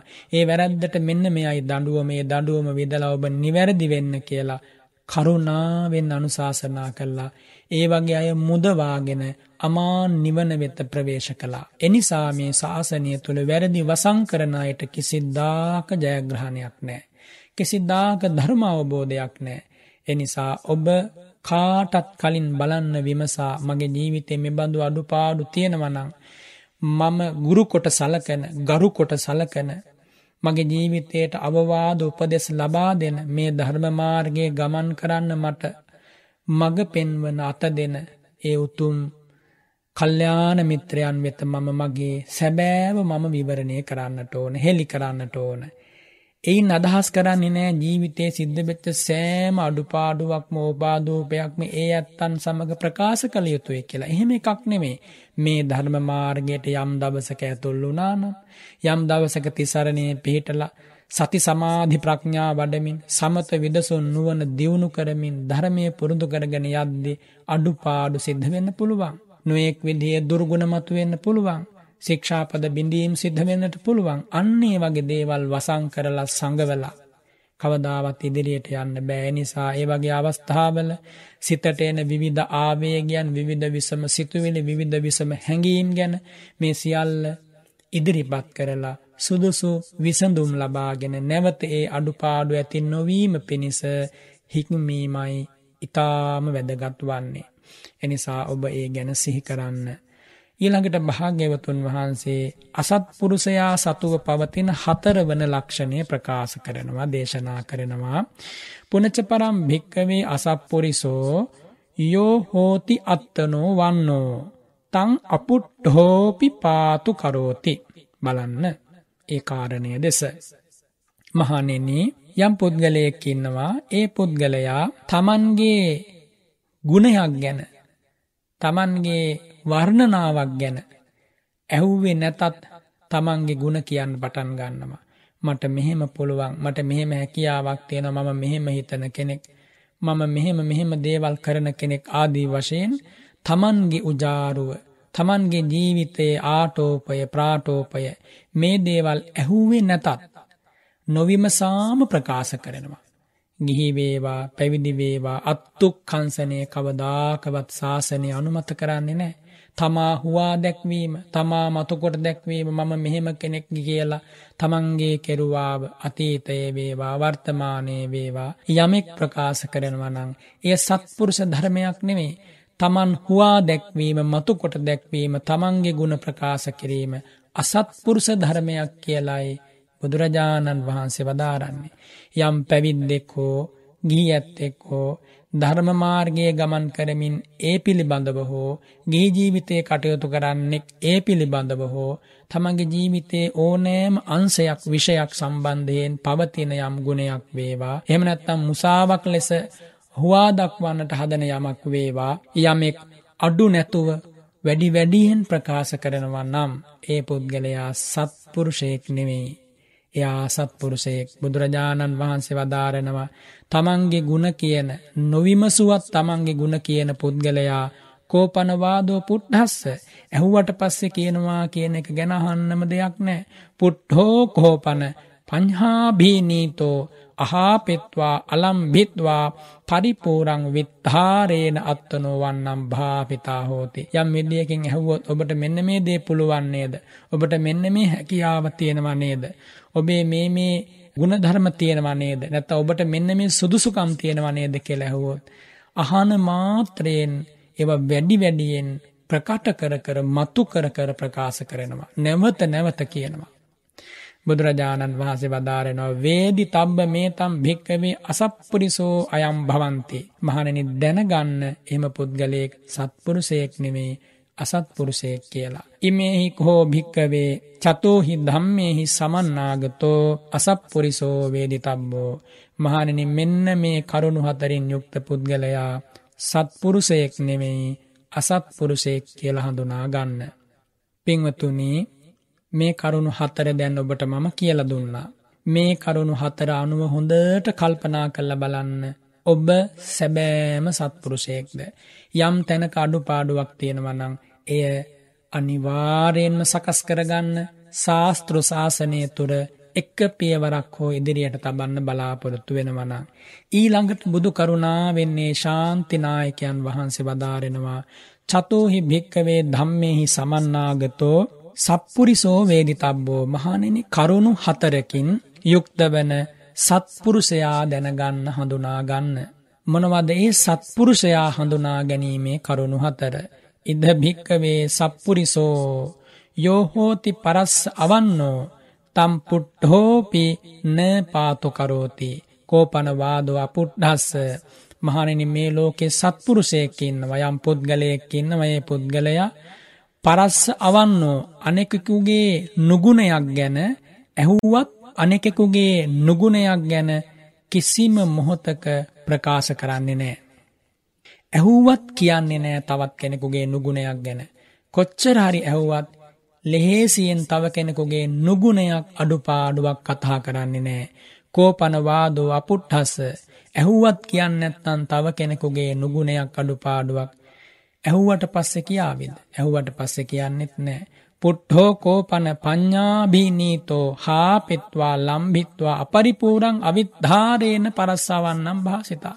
නැවත නැවත පෙරැත්ත කරමින් පීඩාවට නතු කරමින් අහනවා අහද්දී නොකියාම බැරි තැනක වච්චනයක් දෙකක් කියනවා හැබැයි වැඩි වැඩියෙන් ඒ පුද්ගලයා තව කෙනෙකුගේ නුගුණ කියන්න හිතන්නේ නෑ කටාරින්නේ නෑ. වේනි තබ්බ මේ තම් භික්කවේ සප්පුරිසෝ අයම් භවන්ති අන්න එහෙම කෙනෙක් මහණෙනි දැනගන්න සත්පුරුෂයෙක්ය කියලා. බලන්න කොච්චර නම් වටිනවද සත්පුරුෂයාගේ ජීවිතය. කවදාකවත් තව කෙනෙකුගේ අඩුපාඩුවක් නුගුණයක් ඇහුවත් කියන්නේ නෑ. ඇහුවත් කියන්න නැත්තං ඇහුවේ නැත්තං කොහොමුවත් කියන්නේ නෑ. යම් විදියකින් බලයෙන් අහනවා නැවත නැවත අහනවා පීඩනයකට නතු කරනකොට වචනයක් දෙකක් කියනවා. එතනින් අදහස් කරන්නේ තව කෙනෙකුගේ පෞසඟවීම ආදී වශයෙන් වූ කුහක ගති ලක්ෂණ නෙමෙයි. එයා දන්නව තව කෙනෙකුගේ අඩුපාඩු කතා කර කර අනිත් අයගේ නුගුණ හොය හොයා ඕපාදූප හොය හොයා මම අපරාධි මගේ කාලේ නැති කරගන්න හොඳ නෑ මෙලබිච්ච උත්තම ජීවිතය මේ දහම පුරුදු කිරීම වෙනුවෙන්මයි. එනිසා මේ ඉතා කෙටිකාලයකට ලැබෙච්ච මිනිස් ජීවිතය තවායගේ අඩුපාඩු කතා කරන්න නම් මම ගත කරන්නේ. එයින් පලක් නෑ කියලා ඒ පුද්ගලය දන්නවා. පුනචපරම් භික්කවේ සප්පුරිසෝ යෝහෝති පරස්ස වන්නෝ තං අපුට් හෝපි පාතු කරෝති. ඔන්න බලන්න සත්පුරුෂයාගේ දෙවන ලක්ෂණය. එයා තව කෙනෙකුගේ ගුණයක් වේ නම් ඒ ගුණය ගැන ඇහුවේ නැතත් කියනවා. ඒ ගුණය ගැන විමසුවේ නැතත් ඔහු විසින්ම ප්‍රකාශ කරනවා. කෝපනවාදෝ පුට්හස්ස ඇහුවට පස්සේ කියනවා කියන කහන්න දෙයක් නෙමෙයි. පුට්හෝ කෝපන පංහාභීනීතෝ අහාපෙත්වා අලම්බිත්වා පරිපූරං විද්ධාරේන පරස්සවන්නම් භාපිතා හෝති. ඇහුවට පස්සේ යම් පුද්ගලයකුගේ ගුණයක් පිළිබඳව ඒ ගුණය ඉතා රසවත් කරලා ප්‍රනීත කරලා ඉතා කැමැත්තෙන් සිනහමුසු මුහුණින් හදවතින්ම ඒ ගුණේ ගැන ප්‍රකාශ කරනවා වේදි තබ්බ මේ තම් භික්කවේ සප්පුරිසෝ අයම් භවන්තේ. මහනෙනි දැනගන්න අනුන්ගේ ගුණ ඇති හැටියෙන් ප්‍රකාශ කරණය පුද්ගලයා සත්පුරුෂයක්ය කියලා. ඔබත් බලන්න ඔබේ ජීවිතේ මේ සත්පුරුෂ ධර්මයන් පිහිටලා තියෙනවද කියලා.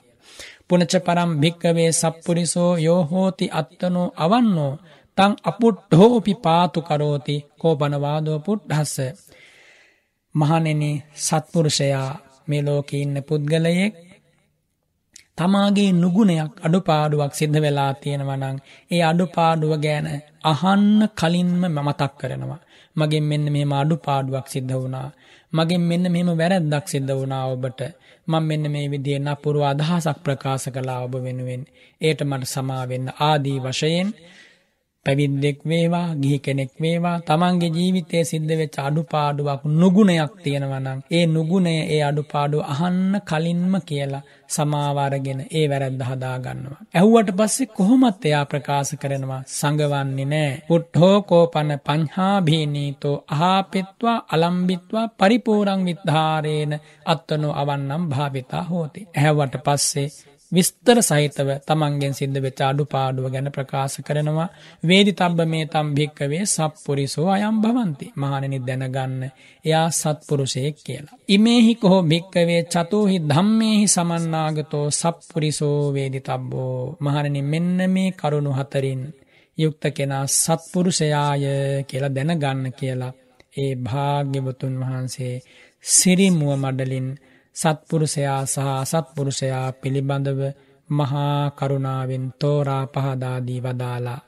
පළමුුව අසත්පුරුෂයා හඳුනා ගැනීමේ ලක්ෂණ හතරත් ඉන් අනතුරුව සත්පුරුෂයා හඳුනා ගැනීමේ ලක්ෂණ හතරත් දේශනා කරමින් ඔබ ඔබේ ජීවිතයට අන්න අයගේ ජීවිතවලට මෙතෙක් සත්පුරුෂයෙක් වෙලාද කියන මෙකරුණ ඔබ තුළින්ම මැනබැලීම පිණිසයි මේ ධර්ම පරයාය ඒ භාග්‍යවතුන් වහන්සේ නික්ලේසි හදමඩලින් මහනෙල් මල් සුවඳ විහිදෙන සිරි මුවමඩලින් සුදෝ සුදු බුදුරැස් ධාරාව දිගන්තයේ පතුරුවලා දේශනා කොට වදාලේ. බුදුරජාණන් වහන්සේ මේ ධර්ම පරයාය අවසානයේ වදාරෙනවා. සෙයතහාපි භික්කවේ වධුකා යඥ දේවරත්තිංවා දිවංවා ආනීතා හෝති මහනෙන යම් පවුලකට ලේලියක් අලුත මනමාලියක් හැටියට කැන්දාගෙන එනවා. තාවදේවස්සා තිබ්බං හිරෝත්තප්පම් පච්චු පට්ඨිතං හෝතේ ඒ ලේලියක් හැටියට මනමාලියක් කැන්දාගෙන ආපු දවස යම් නිවසකට ඒ මනමාලිය ඒ ලේලිය රැගෙන ආපු දවස්ටිකේ මුල් කාලේ හැම කෙනා පිළිබඳවම තමන්ගේ නැන්දම්ම මාම ස්වාමිය ඒ වගේම පවුලේන සියලු දෙනාම අන්තමසෝ දාස කම්මකර පෝරිසේසු ඒ නිවසේ වැඩ කරන්න ඉන්න කම්කරුව දාප දාසියන් පිළිබඳවත් දැඩී ගෞරවයකින් පසු වෙනවා. සාපරේන සමයන ඒ කාන්තාව ටික කාලයක් ගියාට පස්සේ ඒ පවුලේ අයත් එක්ක කතා බස් කරලා විශ්වාසය ඇති කරගෙන හිතවත්කම් ඇති කරගෙන සංවාස මන්වාය විශ්වාස මන්වාය සංවාසයෙන් විශ්වාසයෙන් සස්සුම්පි සසුරම්පි සාමිකම් ඒවමා නැන්දම්මට මාමට තම ස්වාමියාට ප්‍රකාශ කරනවා. ඇය අපේත කිම්පන තුම්මේ ජානාත. ඔය ඇත්තු පැත්තකට වෙන ඔය ඇත්තු මොනවද දන්න කියලා නැන්ද මාමට ස්වාමියාට ස්වාමියාගේ පවුලේ ඉන්න බොහෝ දෙනාට අවමන් කරනවා නින්දා කරනවා ඔවුන් ඉක්මවා හිතනවා. අර මුලින් තිබ්බ ගෞරවේ යටහත් පහත් බව හිස නමන ගතිය ඒ කීකරු ගතිය අතුරුදන් වෙලා යනවා. ඒව මේව කෝ භික්කවේ ඉදේකච්චෝ භික්කු මහණනි අන්න ඒ වගේ. මේ ශාසනයට ආපු ඇතැම් භික්‍ෂූන් වහන්සේ නමක් මුල් දවසක යම් කාලයක යම් රාත්‍රියක යම් උදෑසනක අගාරස්ම අනගාරියම් පබ්බජිතෝ ගිහිගෙදරින් අයින් වෙලා උතුම් පැවිද්ද ලැබුවනම් තාබදේවස්ස ඒ භික්ෂුවට ඒ මොහොතේ උපාසකයන් පිළිබඳව උපාසිකාවන් පිළිබඳව භික්‍ෂූන් වහන්සේලා පිළිබඳව භික්‍ෂුණීන් පිළිබඳව ශාස්තෘූන් වහන්සේ පිළිබඳව දැඩ්ඩි අප්‍රමාණ ගෞරවයක් හදවතය ඇති වෙනවා. භාග්‍යවතුන් වහන්සේ වදාරනව අන්තමසෝ ආරාමික සමනුද්දේශේසුපි. යටත් පිරිසයින් ඒ ආරාමයෙන් හත් හැවිරිදි සාමනේර ස්වාමීන් වහන්සගේ පටන්. ආරාමිකයෝ කැපකරුවෝ සියලු දෙනා ගැනම ඒ ලැජ්ජා බය ගෞරවනීය හැඟීම යටහත් පහත් බව හිස නමන ගතිය අවනත වන ගතිය ඒ ස්වාමීන් වහන්සගේ තියෙනවා. සෝ අපරේන සමයේන ඒ භික්ෂුව කාලයක් ගියාට පස්සේ දවසින් දවස ශාසනය තුළ පරණ වෙනකොට ඒ හැම දෙනා පිළිබඳවම කතා බස් කරලා විශ්වාසයක් ඇති කරගෙන හිතවත් වෙනකොට දායක කාරකාදීන් වැඩි වෙනකොට වස් ගණනින් වැඩි වෙනකොට දැනුම් සම්භාරයන්ගෙන් වැඩි වෙනකොට අත්දැකීම් වැඩි වෙනකොට ප්‍රසිද්ධිය ආදී දේවල් වැඩි වෙනකොට කුමක්ද කරන්නේ? ආචරියම්පි උපජ්ජායම්පි ඒවමහ ඒ පැවිද්ද ලබාදුන් ආචාර්යවරයා උපසම්පදාව ලබාදුන් ආචාර්යවරු ධර්මය විනය උගන්වා වදාළ ආචාර්යවරු තමන්ට මුල් කාලෙ උදව් උපකාර කර දායක දායිකාවන්. ඒ වගේම ඇත්තටම මේ බුද්ධ ශාසනය අපට බොහෝ දෙනෙකුගේ උපකාර මත තමයි මේ පැවිද්ද පවත්වන්න වෙන්නේ. අපට වචනයකින් උදව් උපකාර කරන යමෙක් වේ නම් අන්නේ වගේ අය පිළිබඳව යම් භික්ෂුවක් ප්‍රකාශ කරනවා නම් පස්සේ කාලේ අපේ තහකින් පනතුම් මේ ජානාත මොනවද ඔය ඇත්තු දන්නේ ඔය ඇත්තු පැත්තකට වෙන්න මම තමයි මේ දේවල් දන්නේ කියලා. තම ගුරුවරුන්ගේ ඉඳන් සියලු දෙනාට දොස් කියනවා නම් මමයි ධර්මය දන්න කෙනා. ඔය ඇත්තු ධර්මයක් දන්නේ නැහැ මමයි භාවනා කරන කෙනා. ඔය ඇත්තු භාවනා කරන්නේ නැහැ මටයි මේ දේවල් කරන්න පුළුවන් මටයි මේ නායකත්වය සුදුසු ආදී වශයෙන් යමෙක් යමක් පිළිබඳව ප්‍රකාශ කරමින් ඒ භික්‍ෂූන් වහන්සේ පැවිදි වෙන දවසේ තිබ්බ ගෞරවනීය හැඟීම අතුරුදන් වෙලා ආසවට්ඨානීය ධර්මවලට ගිජු වෙලා බර වෙලා ගිලිලා ඒ ධර්මවල ජීවත් වෙනවා නම් බුදුරජාණන් වහන්සේ වදාරනවා එය සත්පුරුෂ ධර්මයක දියුණුවීමක් නෙමෙයි අසත්පුරුෂ ධර්මයන්හි වැඩීමක්. එය සැබ්බවින්ම අවාසනාවක් බුදු සසුනකට පැමිණි කෙනෙකුට ඊට වඩා අවාසනාවක් තවත් නෑ. එනිසා අවසාන වශයෙන් මේ උතුම් ධර්ම පරියායේදී භාග්‍යවතුන් වහන්සේ මහා කරුණාවෙන් මහා මුදිතාවෙන් තෙත් වූ ලයක් ඇතිව වදාරෙනවා. අධුනාගත වධුකා සමේන චේතසා විහරිස්සා මාතේ ඒවන් හිවෝ භික්කවේ සික්හිතබ්බං මහනෙනි නුබලා හික්මෙන්න්නට ඕන කොහොමද? අලුත ගෙනා මනමාලියක් හිතන විදිහ යම්සේද? ඒ නැවුම් බව ඒ අලුත් බව ඒ අවනත බව ඒ කීකරු බව. අන්න ඒ ආකාරයෙන් හිතමින් නුබලා මේ ශාසනය තුළ කටයුතු කරන්න හැම වෙලාවකම බුදු සසුනට පැමිණි දවස සිහි කරන්න. බුදු සසුනේ කසාවත දැරූ දවස සිහි කරන්න. එහෙම සිහිකරමින් වාසය කොළොත් නුබලාට මහණනි වරදින්න නෑ කියලා මේ උතුම් ධර්ම පරියාය ඒ භාග්‍යවතුන් වහන්සේ සමාප්ත කොට වදාලා.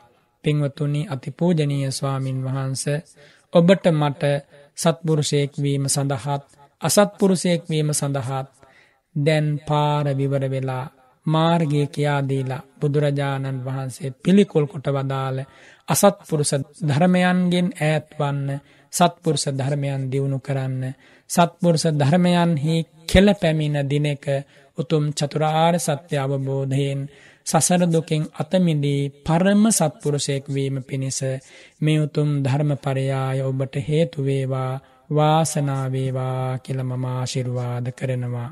අද මේ උතුම් ධර්ම දේශනාව ධර්මදානයක් ලෙස ලෝවාසේ සියලු සත්වයන්ට ඇසෙන්නට සැලැස්සුවේ නාලක නානායක්කාර මහතා සජිමි හෙට්ටිආරච්ඥි මහත්මිය ඇතුළු ක්‍රිෂාල් ටියාරා ඔනාරා යන දරුති දෙනා මේ පවුලෙ සියලු දෙනාම මේ උතුම් ධර්මදානමය පින්කමාද සිද්ධ කරගත්තා. ඒ ඇත්තුන්ගේ සිත්වල තියෙන පිවිතුරු අදහස තමයි සියලු බ්‍රහ්මලෝකවාසී සදිව්ලෝකවාසී සියලු ආර්යකාන්ත දෙවියන්ට බ්‍රහ්මයන්ට සත්පුරුෂයන් වහන්සේලාට සම්මාදිට්ඨික උතුමන්ට දේව බ්‍රහ්ම සමූහයාට පිම්පෙත් අනුමෝදං කිරීම දේශකයන් වහන්සේ ඇතුළු මහා සංඝරත්නයට ප්‍රාර්ථනීය බෝධියකින් නිර්වාණාවබෝධය පැතීම එවගේම අපවත් වී වදාළ අපගේ ගුරුදේව නාවයනේ අරිය ධම්ම මහාස්වාමීන් වහන්සේ ඇතුළු අපවත් වී වදාළ මහා සංඝරත්නයට පින්පෙත් පැමිණවීම නිර්වාණාවබෝධය ප්‍රාර්ථනා කිරීම මියගිය සියලු රණවිරුවන්ට පින්පෙත් පැමිණවීම සුජීවත්ව සිටින පියවරු දෙදෙනාට ඒ අත්තන්ගේ නිදුක් නිරෝගී බව ධර්මාවබෝධය ප්‍රාර්ථනා කරමින් ආබාධිත රණවිරුවන් ඇතුළු සිරු රණවිරුවන්ට සෙත් පතමින් ධර්මය ශ්‍රවණය කළ සෑම සිරු දෙනාටම උතුම් ධර්මාවබෝධය වේවා කියන පිවිතුරු හැඟුම් සමුදායක් සිත්හි දරාගෙනයි මේ ධර්මදානය ලබා දුන්නේ. ඒ සියලු දෙනාගේම යහපත්තෝ සත්පුරුෂ වූ ඒ බලාපොරොත්තු ඒ අයුරින්ම ඉෂ්ඨවේවා සියලු ඥාතීහු දෙවියෝ බ්‍රහ්මයෝ සියලු දෙනාම මේ පින්පෙත් අනුමෝදම් වේවා කියලා අපි පින් අනුමෝදන් කරමු. ඉදං වෝ ඥාතිනං හෝතු සුඛිතා හොන්තු ඥාතයෝ ආකාසට්ඨා ච භුම්මට්ඨා දේවානාගා මහිද්దికා පුඤ්ඤන්තං අනුමෝදිත්වා චිරං රක්ඛන්තු සම්බුද්ධ ශාසනං චිරං රක්ඛන්තු සම්බුද්ධ දේශනං චිරං රක්ඛන්තු සම්බුද්ධ ශාවකන්ති ධර්ම ශ්‍රවණානි සංස බලයෙන් සියලු සත්වයෝ සුවපත් වෙත්වා අභිවාදන සීලිස්ස නිච්ඡං වද්ධා පචායිනෝ චත්තාරෝ ධම්මා වණ්ඩම්ති ආයුවන්නෝ සුඛං බලං ආයු ආරෝග්‍ය සම්පත්ති සග්ග සම්පත්ති මේවච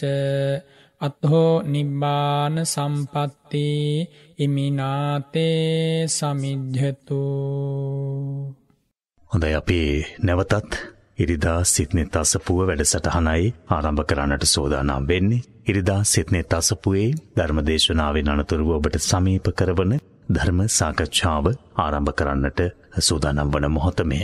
බොහොම ගෞරවෙන් නැවතවාරයක් ඉර්ද සිත්නිත් අසපුයේ කරුදේශකයාණන් වහන්සේ ධර්ම සාකච්ඡාව වෙනුවෙන් නමස්කාර පූර්වකව පිළිගනු ලබනවා පිළිහුල්ලොය සීල සමහිතාරණ්‍ය සේනාසන වාසී අභිධර්ම කතිකාචාර්ය ත්‍රිපිටකාචාර්ය ත්‍රිපිටක විශාරද රාජකීය පණ්ඩිත ශාස්ත්‍රපති පූජනීය බලංගොඩ රාධ ස්වාමීන් වහන්සේ යදත් ඔබට සත්පුරුෂත් අසත්පුරුෂයන් පිළිබඳව මනා වැටහීමක් ඇතිවන ආකාරයෙන් අපි ජීවත් වන සමාජය තුළ හකුසලයට නැඹුරුවෙන හිතක් ඉන් මුදවා ගැනීමේ අභිප්‍රායෙන් ධර්මයට නැඹුරු වුණු හිතක් තවත් ඒ සඳහාම යොමු කරවීමේ අභිප්‍රායෙන් දේශනාව සිදු කරන්නට යෙදුනේ. ඉතින් ඔබට මේ ධර්ම සාකච්ඡාව තුළදී තවත් නිවැරදිව හඳුනාගන්න තවත් තවදුරටත් කාරණා අපේ ජීවිතය තුළ ඉස්මතු කොට හඳුනා ගන්නට අවකාශයක් ලැබේවි සත්පුරුෂ භාවය පිළිබඳව සත්පුරුෂ භාවය පිළිබඳව ඒ උතුම් සාකච්ඡාව ආරම්භ කරන මොහොතයි මේ විශේෂයෙන්ම මේ වස්සාන සමයතාම ලංකාව පුරාව වෙහෙර විහාරස්ථානවල ගෞරවනීය මහා සංඝරත්නය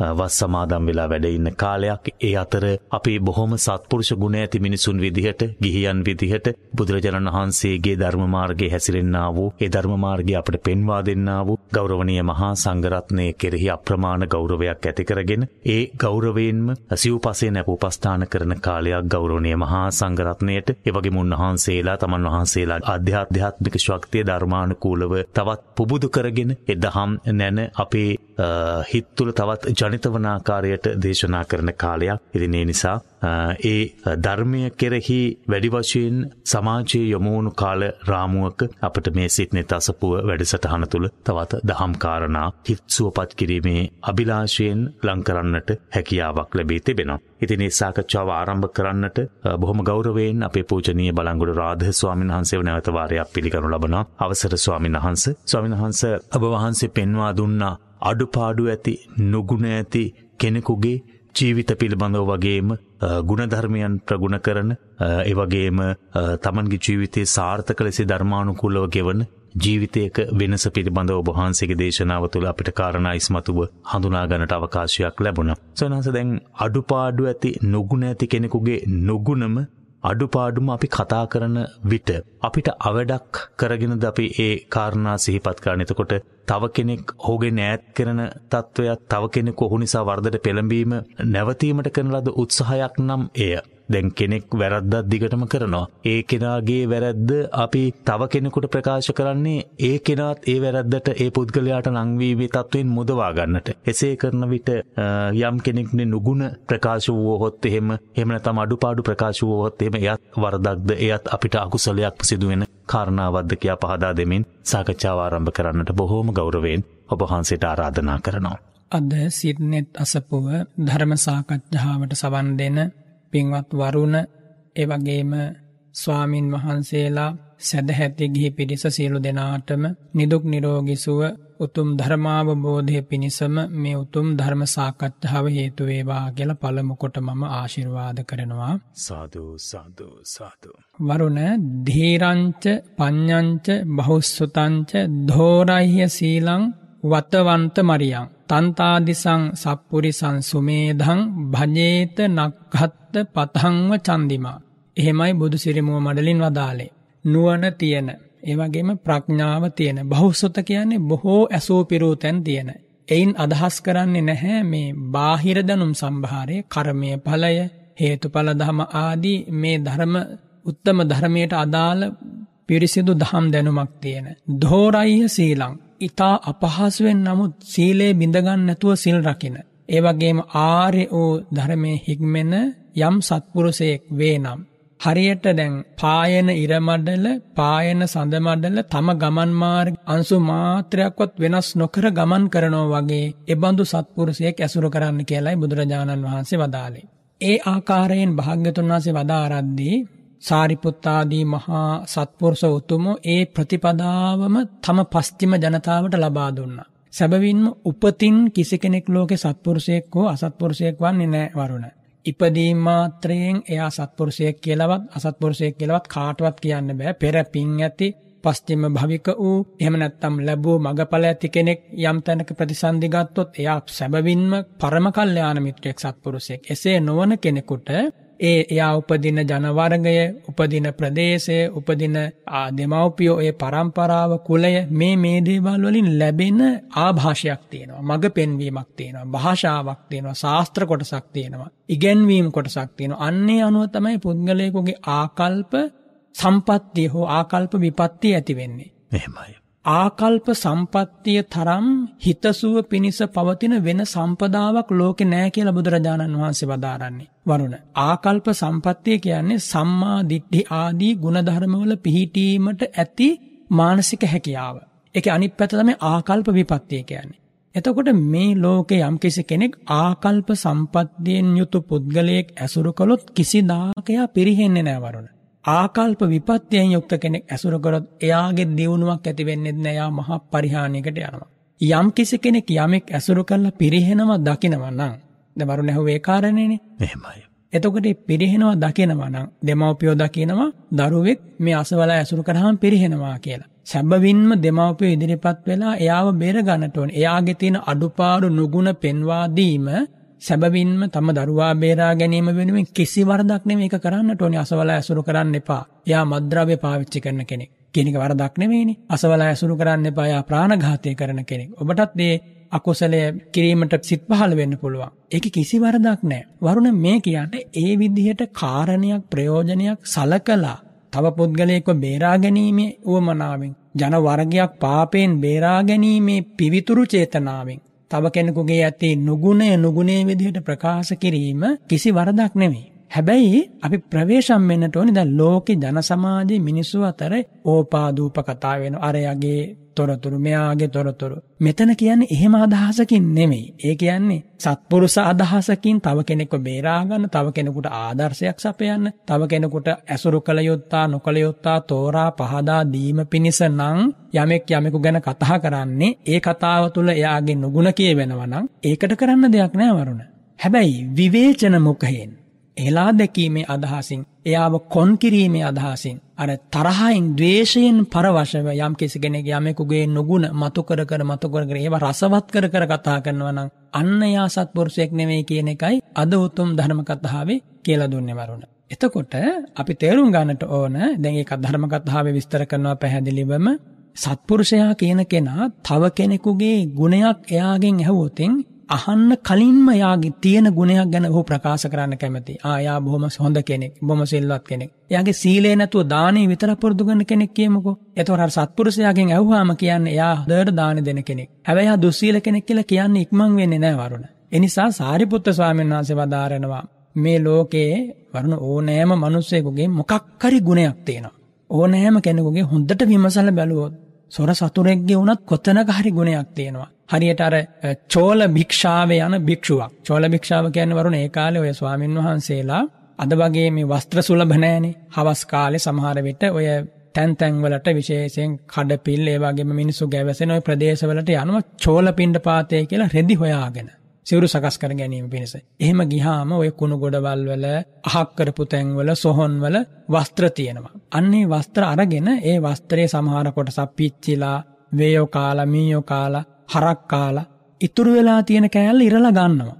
සාරිපුත්ත ස්වාමීන් වහන්සේ වදාරනවා අන්න එහෙම ඉරලා ගන්නවා වගේ අවශ්‍ය කොටස මේ ලෝකේ ජීවත් වෙන මිනිසුන්ගේ ඕනතරම් හොඳ ගුණ තියෙනවා. අන්නේ හොඳ ගුණයත් එක්ක ඒ ගුණය අපි දකිනවා නම් අපේ හිත දූෂ්‍ය වෙන්නේ නැහැ. පැහැදිලි නේද කාරණේ? එතකොට යම් කෙනෙකුගේ නුගුණය දකිද්දී හිත දූෂ්‍ය වෙනවා නම් තරහක් ඇති වෙනවා නම් අපේ හිතේ කලකිරීමක් ඇති වෙනවා නම් නොහොඹිනා ගතියක් ඇති වෙනවා නම් ප්‍රතිවාදීව හිතේ අදහසක් ඇති වෙනවා නම් ඒ ඇති වෙන්නේ අනිවාර්යෙන් ද්වේෂමූල සිත්. එතකොට කාරණය කුමක් හෝ වේවා පුද්ගලයා කවුරු හෝ වේවා එයාගේ ගුණනුගුණ මොනව හෝ වේවා තම හිත දෝෂ වෙනවා නම් අකුසලයට බැස ගන්නවා නම් කිසිසේත්ම බුදුරජාණන් වහන්සේ අනුමත කරන්නේ නැහැ. අන්නේ කාරණේ නිසා තමයි ලෝකේ කාගේ හරි නුගුණයක් දැකලා හිත දෝෂ කරගෙන අපි අකුසල් සිත් පහල කර ගන්නවට වඩා අපේ සිත කෙලස ගන්නවට වඩා ඒ පුද්ගලයා එක හොඳ ගුණයක් හරි දැකලා ඒ ඔස්සේ අනුමෝදම් වෙලා අපේ ගුණය නොපිරිහෙන්න පිරිහෙන්න නොදී රැක ගැනීම තමයි වැදගත් වෙන්නේ. එනිසා ලෝකේ බොහෝ ගුණ තියෙන අය නුගුණ තියෙන අය ඕන තරම් ලෝකේ ඉන්නවා. අනිත් එක වරුණ මේ මිත්‍යා දෘෂ්ටියක් කෙනෙකුගේ තියෙනවා කියන්නකෝ ලෝකේ. ඒ පුද්ගලයා බුදුරජාණන් වහන්සේ වදාරනවා අසත්පුරිසේන අසත්පුරිසතරෝ කියලා. දැන් සාමාන්‍ය ලෝකේ සත්පුරුෂයා අසත්පුරුෂයා හඳුනා ගනිද්දී අකුසලයෙන් නැහැවී ගිය පුද්ගලයා අසත්පුරුෂයා කියලා කියනවා. කුසලයෙන් පිරීගිය පුද්ගලයා සත්පුරුෂයා කියලා කියනවා. එතකොට දැන් අසත්පුරුෂයාගෙත් අසත්පුරුෂ තරයෙක් ඉන්නවා. එයා තමයි පාපේනොත් නැහැවිලා මිත්‍යා දෘෂ්ටියත් සමාදම් වෙලා මිත්‍යා දෘෂ්ටිය වපුරනවා. දැන් ඔයා හිතන්න වරුණ ලෝකේ කවුද වැඩි එහෙම අයද වැඩි කියලා හිතන්න. මේක යද්දි හොඳට තේරුම් ගන්න. එහෙමයි. සත්පුරිසේන සත්පුරිස තරෝ. ඒ කියන්නේ එයා සීලාදී ගුණ ධර්මවලත් පිළිටලා මේ තථාගත ධර්මයේ ලෝකෙට බෙදා දෙනවා කියා දෙනවා. එයා අම්මා වෙන්න පුළුවන් තාත්තා වෙන්න පුළුවන් භික්ෂුවක් වෙන්න පුළුවන් වරුණ වගේ ධර්ම සාකච්ඡාවට සම්බන්ධ වෙන කෙනෙක් වෙන්න පුළුවන්. ඒ වගේ කෙනෙකුට කියනවා සප්පුරිසේන සප්පුරිස තරෝ කියලා බුදුරජාණන් වහන්සේ. ඒ වගේම වරුණ පුද්ගලයෙකුගේ ඔබේ හෝ මගේ අපි දෙන්නගෙම පුද්ගලික ජීවිතවල යම් යම් අඩුපාඩු තියෙන්න පුළුවන්. භික්ෂුවක් හැටියට යම් යම් වැරදි සිද්ධ වෙනවා. ගිහියෙක් හැටියටත් යම් යම් වැරදි සිද්ධ වෙනවා. හැබැයි ඒ වැරදි තව කෙනෙකුට බෝ කරන්නේ නැතිව, ඒ වැරදි තව කෙනෙකුට අනුමෝදන් කරවන්නේ නැතිව, තමන්ගේ වැරද්ද උපරිමෙන් හදාගන්න බලමින් අනිත් අයට ඒ වැරද්ද බෝ වෙන නොදී එයා කටයුතු කරන එයත් සැබවින්ම සත්පුරුෂයෙක්. ඉතින් ඔය විදිහට අපි සත්පුරුෂයා හරියට තෝරාගෙන ඇසුරු කරන්නට ඕනි අපි ලෝකයෙන් සත්පුරුෂය බලාපොරොත්තු නොවි. ලෝකයට සත්පුරුෂයෙක් වීම තමයි සැබවින්ම කල්්‍යාන මිත්‍රත්වයේ පිහිටලා කළයුතුදේ දෙවි මිනිසුන්ට හිතසුව පිණිස. හොඳයි ඒ සත්පුරුෂ ගුණය ඔබළඟ තිබෙනවාද ඔබ සත්පුරුෂයෙක් ලෙස කටයුතු කරන්නට පෙළඹෙනවාද ඇතැම් වෙලාවට අසත්පුරුෂ ගති මතුවුණු අවස්ථාවල ඔබ කුමක් සිදු කරනවාද කියන කාරණය නැවත නැවත විමසන්න ඔබ. ඔබේ හිතින් විමසන විට මේ කියූ දහම් කාරණා තුළ අපේ ජීවිත අපි හසුරවාගෙන තිබෙන්නේ කොයි ආකාරයෙන්ද කියලා මැනවින්ම ඔබට ප්‍රත්‍යක්ෂ වේවි. ඒ නිසා ඒ ප්‍රත්‍යක්ෂ භාවය ඔබගේ නොගුණ නැත්තම් ඔබගේ අවැඩ ඔබගේ අසත්පුරුෂ ගති මකා දමා තමන්ගේ සත්පුරුෂ ගතිම ඉස්මතු කරගෙන ධර්මානුකූල ජීවිතයක් ගත කරන්න ඔබට බෙහෙවින්ම වහල් වේවි. ස්වාමිනහන්ස සත්පුරුෂ අසත්පුරුෂ භාවයට පෙර කුසල් අකුසල් පෙර බහුවල සිදුකරපු දේවල් බලපෑමක් තිබෙනවාද. වරුණ මේ ජීවිතය තුළ සිදුවන සියලු කායික වාදසික මානසික ක්‍රියාකාරකම්වලට වගේම ගත්ති පුරුදු ආසය නිස්්‍රේ පුද්ගලයකුගේ චරයා සමුදායට රිජ්ජුවම බලපාන ධර්ම ස්වභාවය තමයි කර්මය. එතොට මේ ජීවිතයේ සත්පුරුෂ අදහස් පහළවීම පිණිස පෙරජීවිතවල සත්පුරුසයක් හැටියට ජීවත්වීම සත්පුරුස අදහස්වලට ගරු කිරීම සත්පුරුස ධර්මතාවල පිහිටා සිටීම ඒ කාන්තේම බලපානවා. හැබැයි ඒක එකම කාරණය නෙමේ වරුණ. එහෙම සත්පුරුෂ ධර්ම තිබුණත් මේ ජීවිතයේ සත්පුරුෂයකුගේ ඇසුර ලැබුණෙ නැත්තං එයා පිරිහෙන්න පුළුවන්. මේ ජීවිතයේ සත්පුරුෂයාගේ ඇසුර ලැබීම ඒ කාන්තෙන් වැදගත්ම කාරණය මේ ධර්මකතාව තුළ. කල්්‍යාන මිත්‍රයා කියන්නේ සත්පුරුෂයාට සමාන නාමයක්. සත්පුරුෂයා කල්්‍යාන මිත්‍රයා සුදනා අපිග නම්වලින් කියන්නේ. ඒ වගේම ධර්මදරයා විනයධරයා භික්‍ෂුව සීලවන්තය මේ නම්වලින් හඳුන්වන්නේ සත්පුරුෂයා. මේ ජීවිතේ යමෙක් සද්ධර්මයේ පිහිටන්නට නම් සත්පුරුෂයාගේ ඇසුරේ කාන්තෙන් අවශ්‍යමයි. සත්පුරුෂයාගේ ඇසුර ලැබුණොත් වරුණ ඕනෑම පාපයක ගිලිච්ච පුද්ගලයෙක් වනත් ගොඩ ගැනීම හැකියාව තියෙනවා. හැබැයි ඒ ගොඩ එන්න යාට පිනක් තිබිය යුතුයි දැන් අපි ගත්තොත් හොඳම උදාහරණ ඉතිහාසය තියෙනවා ඒ අතර අප කවුරුත් දන්නයි උදාහරණය අංගුලිමාල මහරහතන් වහන්සේ. ගිහි ජීවිතය ගතකරපු විදිහත් අවසානයේ ලෝකයේ මහා කීර්තිනාමයක් සටහන් කරලා.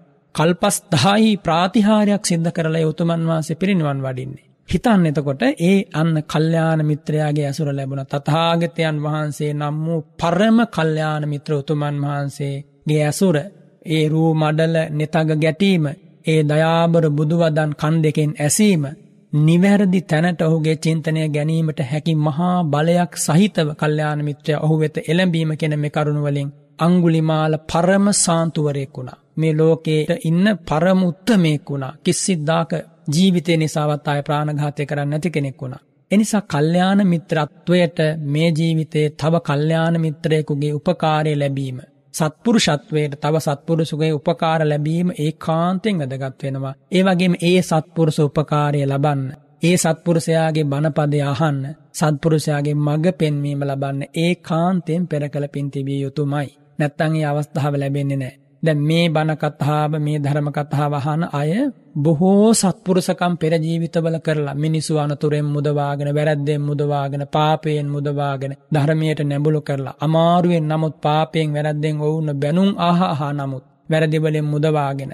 සමහර වෙලාවට වරුණ පුද්ගලයන්ට අපි අවවාද කරද්දි අනුශාසනා කරද්දි සමහර ඇත්තෝ අපිත් එක කියලා තියෙනවා ස්වාමින් වහන්සෝය කතාව මුලින් කියද්දි මට හිත ඇතුළෙන් දවේශයාව තරහ ආව ඇයි හොම කිව්ව කියලා. ස්වාමින්නාව දැන් තමයි තේරෙන්නේ මට මේ ස්වාමින් වහස කොච්චර අනුකම්පාවෙන්ද මේ කාරණය කියලා දුන්න කියලා. එනිසා සමහර වෙලාවට වරුණ අපි මේ කියන කතාවලට මිනිසුන්ගේ හිත්‍රි දෙන්න පුළුවන්.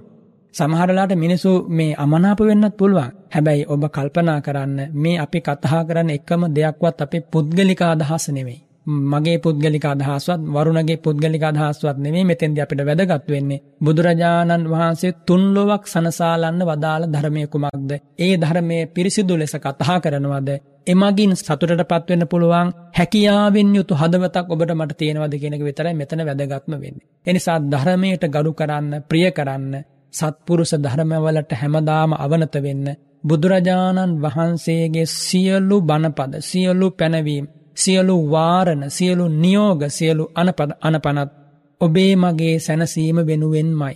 ඔබේ මගේ විමුක්තිය වෙනුවෙන්මයි. ඔබේ මගේ සුවය පහසුව සුගතියෙන් නිවන වෙනුවෙන්මයි කියනක මතක තබාගන්න.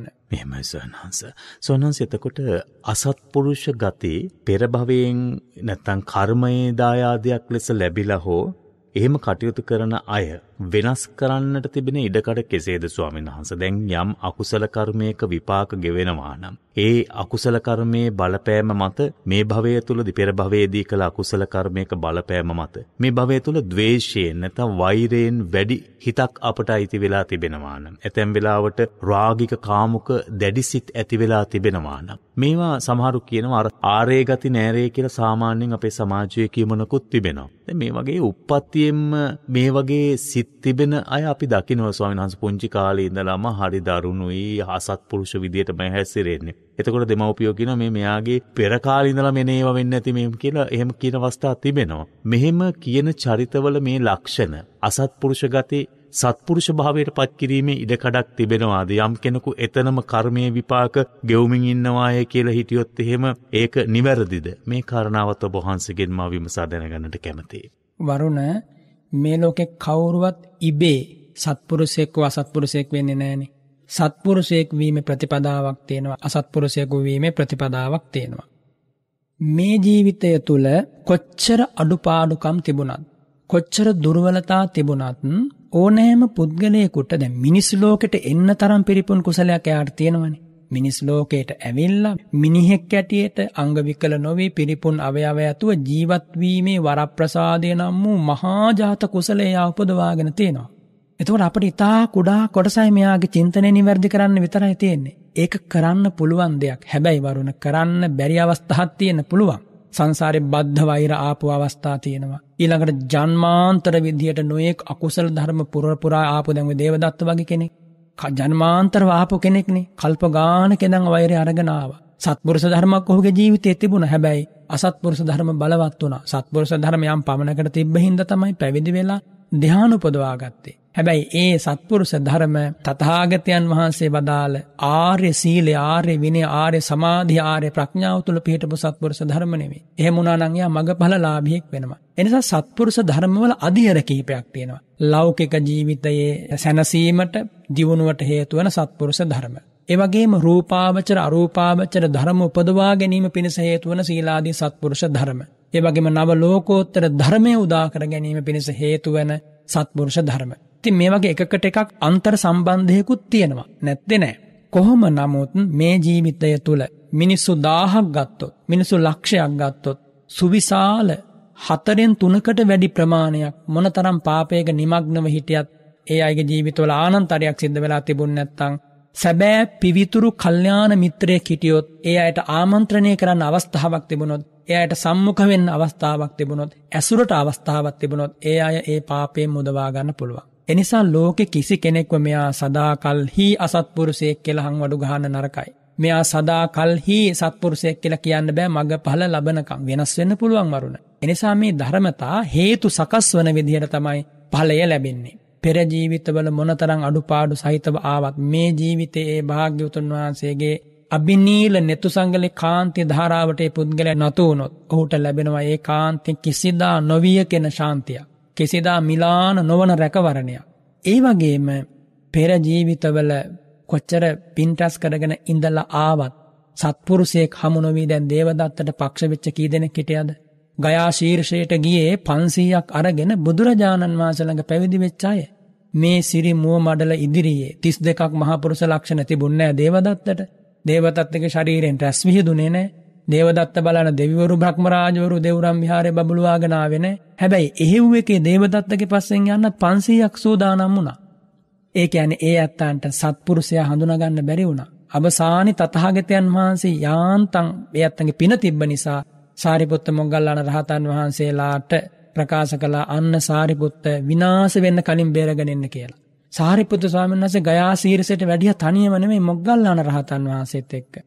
සාරිපුත්ත ස්වාමීන් වහන්සේ මේ 500ට දැන් ධර්ම දේශනා කරන්න පටන් ගන්නවා. මොග්ගල්ලාන මහ රහතන් වහන්සේ ඒ කියන කරුණු දැන් අපාය ගැන කියනවනම් අපාය පෙන්වනවා 이르දියෙන්. දිවලෝක ගැන කියනවා දිවලෝක 이르දියෙන් පෙන්වනවා. කයේ තියෙන අසුභය ගැන කියනවනම් ඒ වගේ කුණු වෙවි යන ශරීරයන් මවලා මොග්ගල්ලාන රහතන් වහන්සේ පෙන්වනවා. ආන්න ඊට පස්සේ තමයි අර ඇත්තන්ගේ ඇස් ඇරුනේ. ඉතින් වරුණ දැන් සාරිපුත්ත ස්වාමීන් වහන්සේ මොග්ගල්ලාන ස්වාමීන් වහන්සේ හිටපු නිසා ඒ 500 බේරගත්තා. එතකොට දැන් එහෙම බේරගන්න බැරුණා නම් අදත් දේවදත්තත් එක්කම අවීචිය ගොල්ල පැහෙනවා. එනිසා මම මේ කියන්න හැදුවේ පෙර ජීවිතවල මොන අඩුපාඩු සහිතවාවත් දැන් ඇත්තටම දේවදත්තට පක්ෂ වෙන්න ඒ ස්වාමීන් වහන්සේලගේ බලවත් අකුසල විපාක ඉදිරිපත් වෙන්න ඇතිනේ. මේ වගේ කාලෙක බුදුරජාණන් වහන්සේට මිනිස්සු පිටුපානව කියන එක අහන්න දෙයක්ද කියන්න මේ පැවිදි වෙච්ච සසුන්ගත වෙච්ච අත්තු මෙහෙම කරා කියන එක. සිරි මුව මඩල ඉදිරියේ පෙනි පෙනී පිටුපස හරවලා ගියාන යන්න. එතකොට කර්ම විපාක ඉදිරිපත් වෙන්න ඇති. ඒක එහෙමම තමයි. හැබැයි ඒ මොනම ඉදිරිපත් වුණත් බේරා ගැනීම පිණිස ඉදිරිපත් වන උතුමන් වහන්සේ ලෝතුරා බුදු කෙනෙක්. මහා ශ්‍රාවකවරු ඒ අයට පුළුවන් ගලව ගන්න. එහෙමයි. ඉතින් එනිසා මේ වගේ කාලයක වුණත් මේ ජන සමාජයේ ඉන්න ඔය මද්‍රව්‍ය වලට ඇබ්බැහි වුණාය කියන ඔය පාප කර්ම සිද්ධ කරනවාය කියන ඔය මිනී මරණවායි ඔය ඇත්තන්ගේ පවා ජීවිතවල පින්කම් තියෙනවා සංසාරේ කරපු. ඒවට කතා කරන්න ඒවට ආමන්ත්‍රණය කරන්න ඔවුන්ගේ හිතට මේ දහම ඇතුල් කරන්න තරම් බලවත් වූ ශක්තිමත් වූ කල්්‍යාන මිත්‍ර සත්පුරුෂයන්ගේ අඩුවමයි මේ ජන සමාජයේ තියෙන්නේ. වෙන්න මොකක්වත් නෙවෙයි. සත්පුරුෂයන් අඩුයි. කතා කරන්න පුළුවන් අය අඩුයි. බලවත් විදින මේ දේ කියල දෙන්න පුළුවන් අය අඩුයි. ඒ සඳහා ක්‍රමවේද අඩුයි. එනිසා මිනිසු දවසින් දවස බුරුතු පිටිං නිරයට යනවා පරිහානයට යනවා. මේක මහා ව්‍යසනයක්. මෙව දකින දෙවියන්ගේ හදවත් කම්පාවෙනවා දිව්‍ය ලෝකෙ පිරිහෙනවා සතරාපාය පිරෙනවා කියලා. ඉතින් එනිසා මේ සත්පුරුෂයෙක් වීම කියන එක තරම් ලෝකෙට ආශිරුවාදයක් තමන්ට ආශිරුවාදයක් වෙනත් නෑ වරුණ.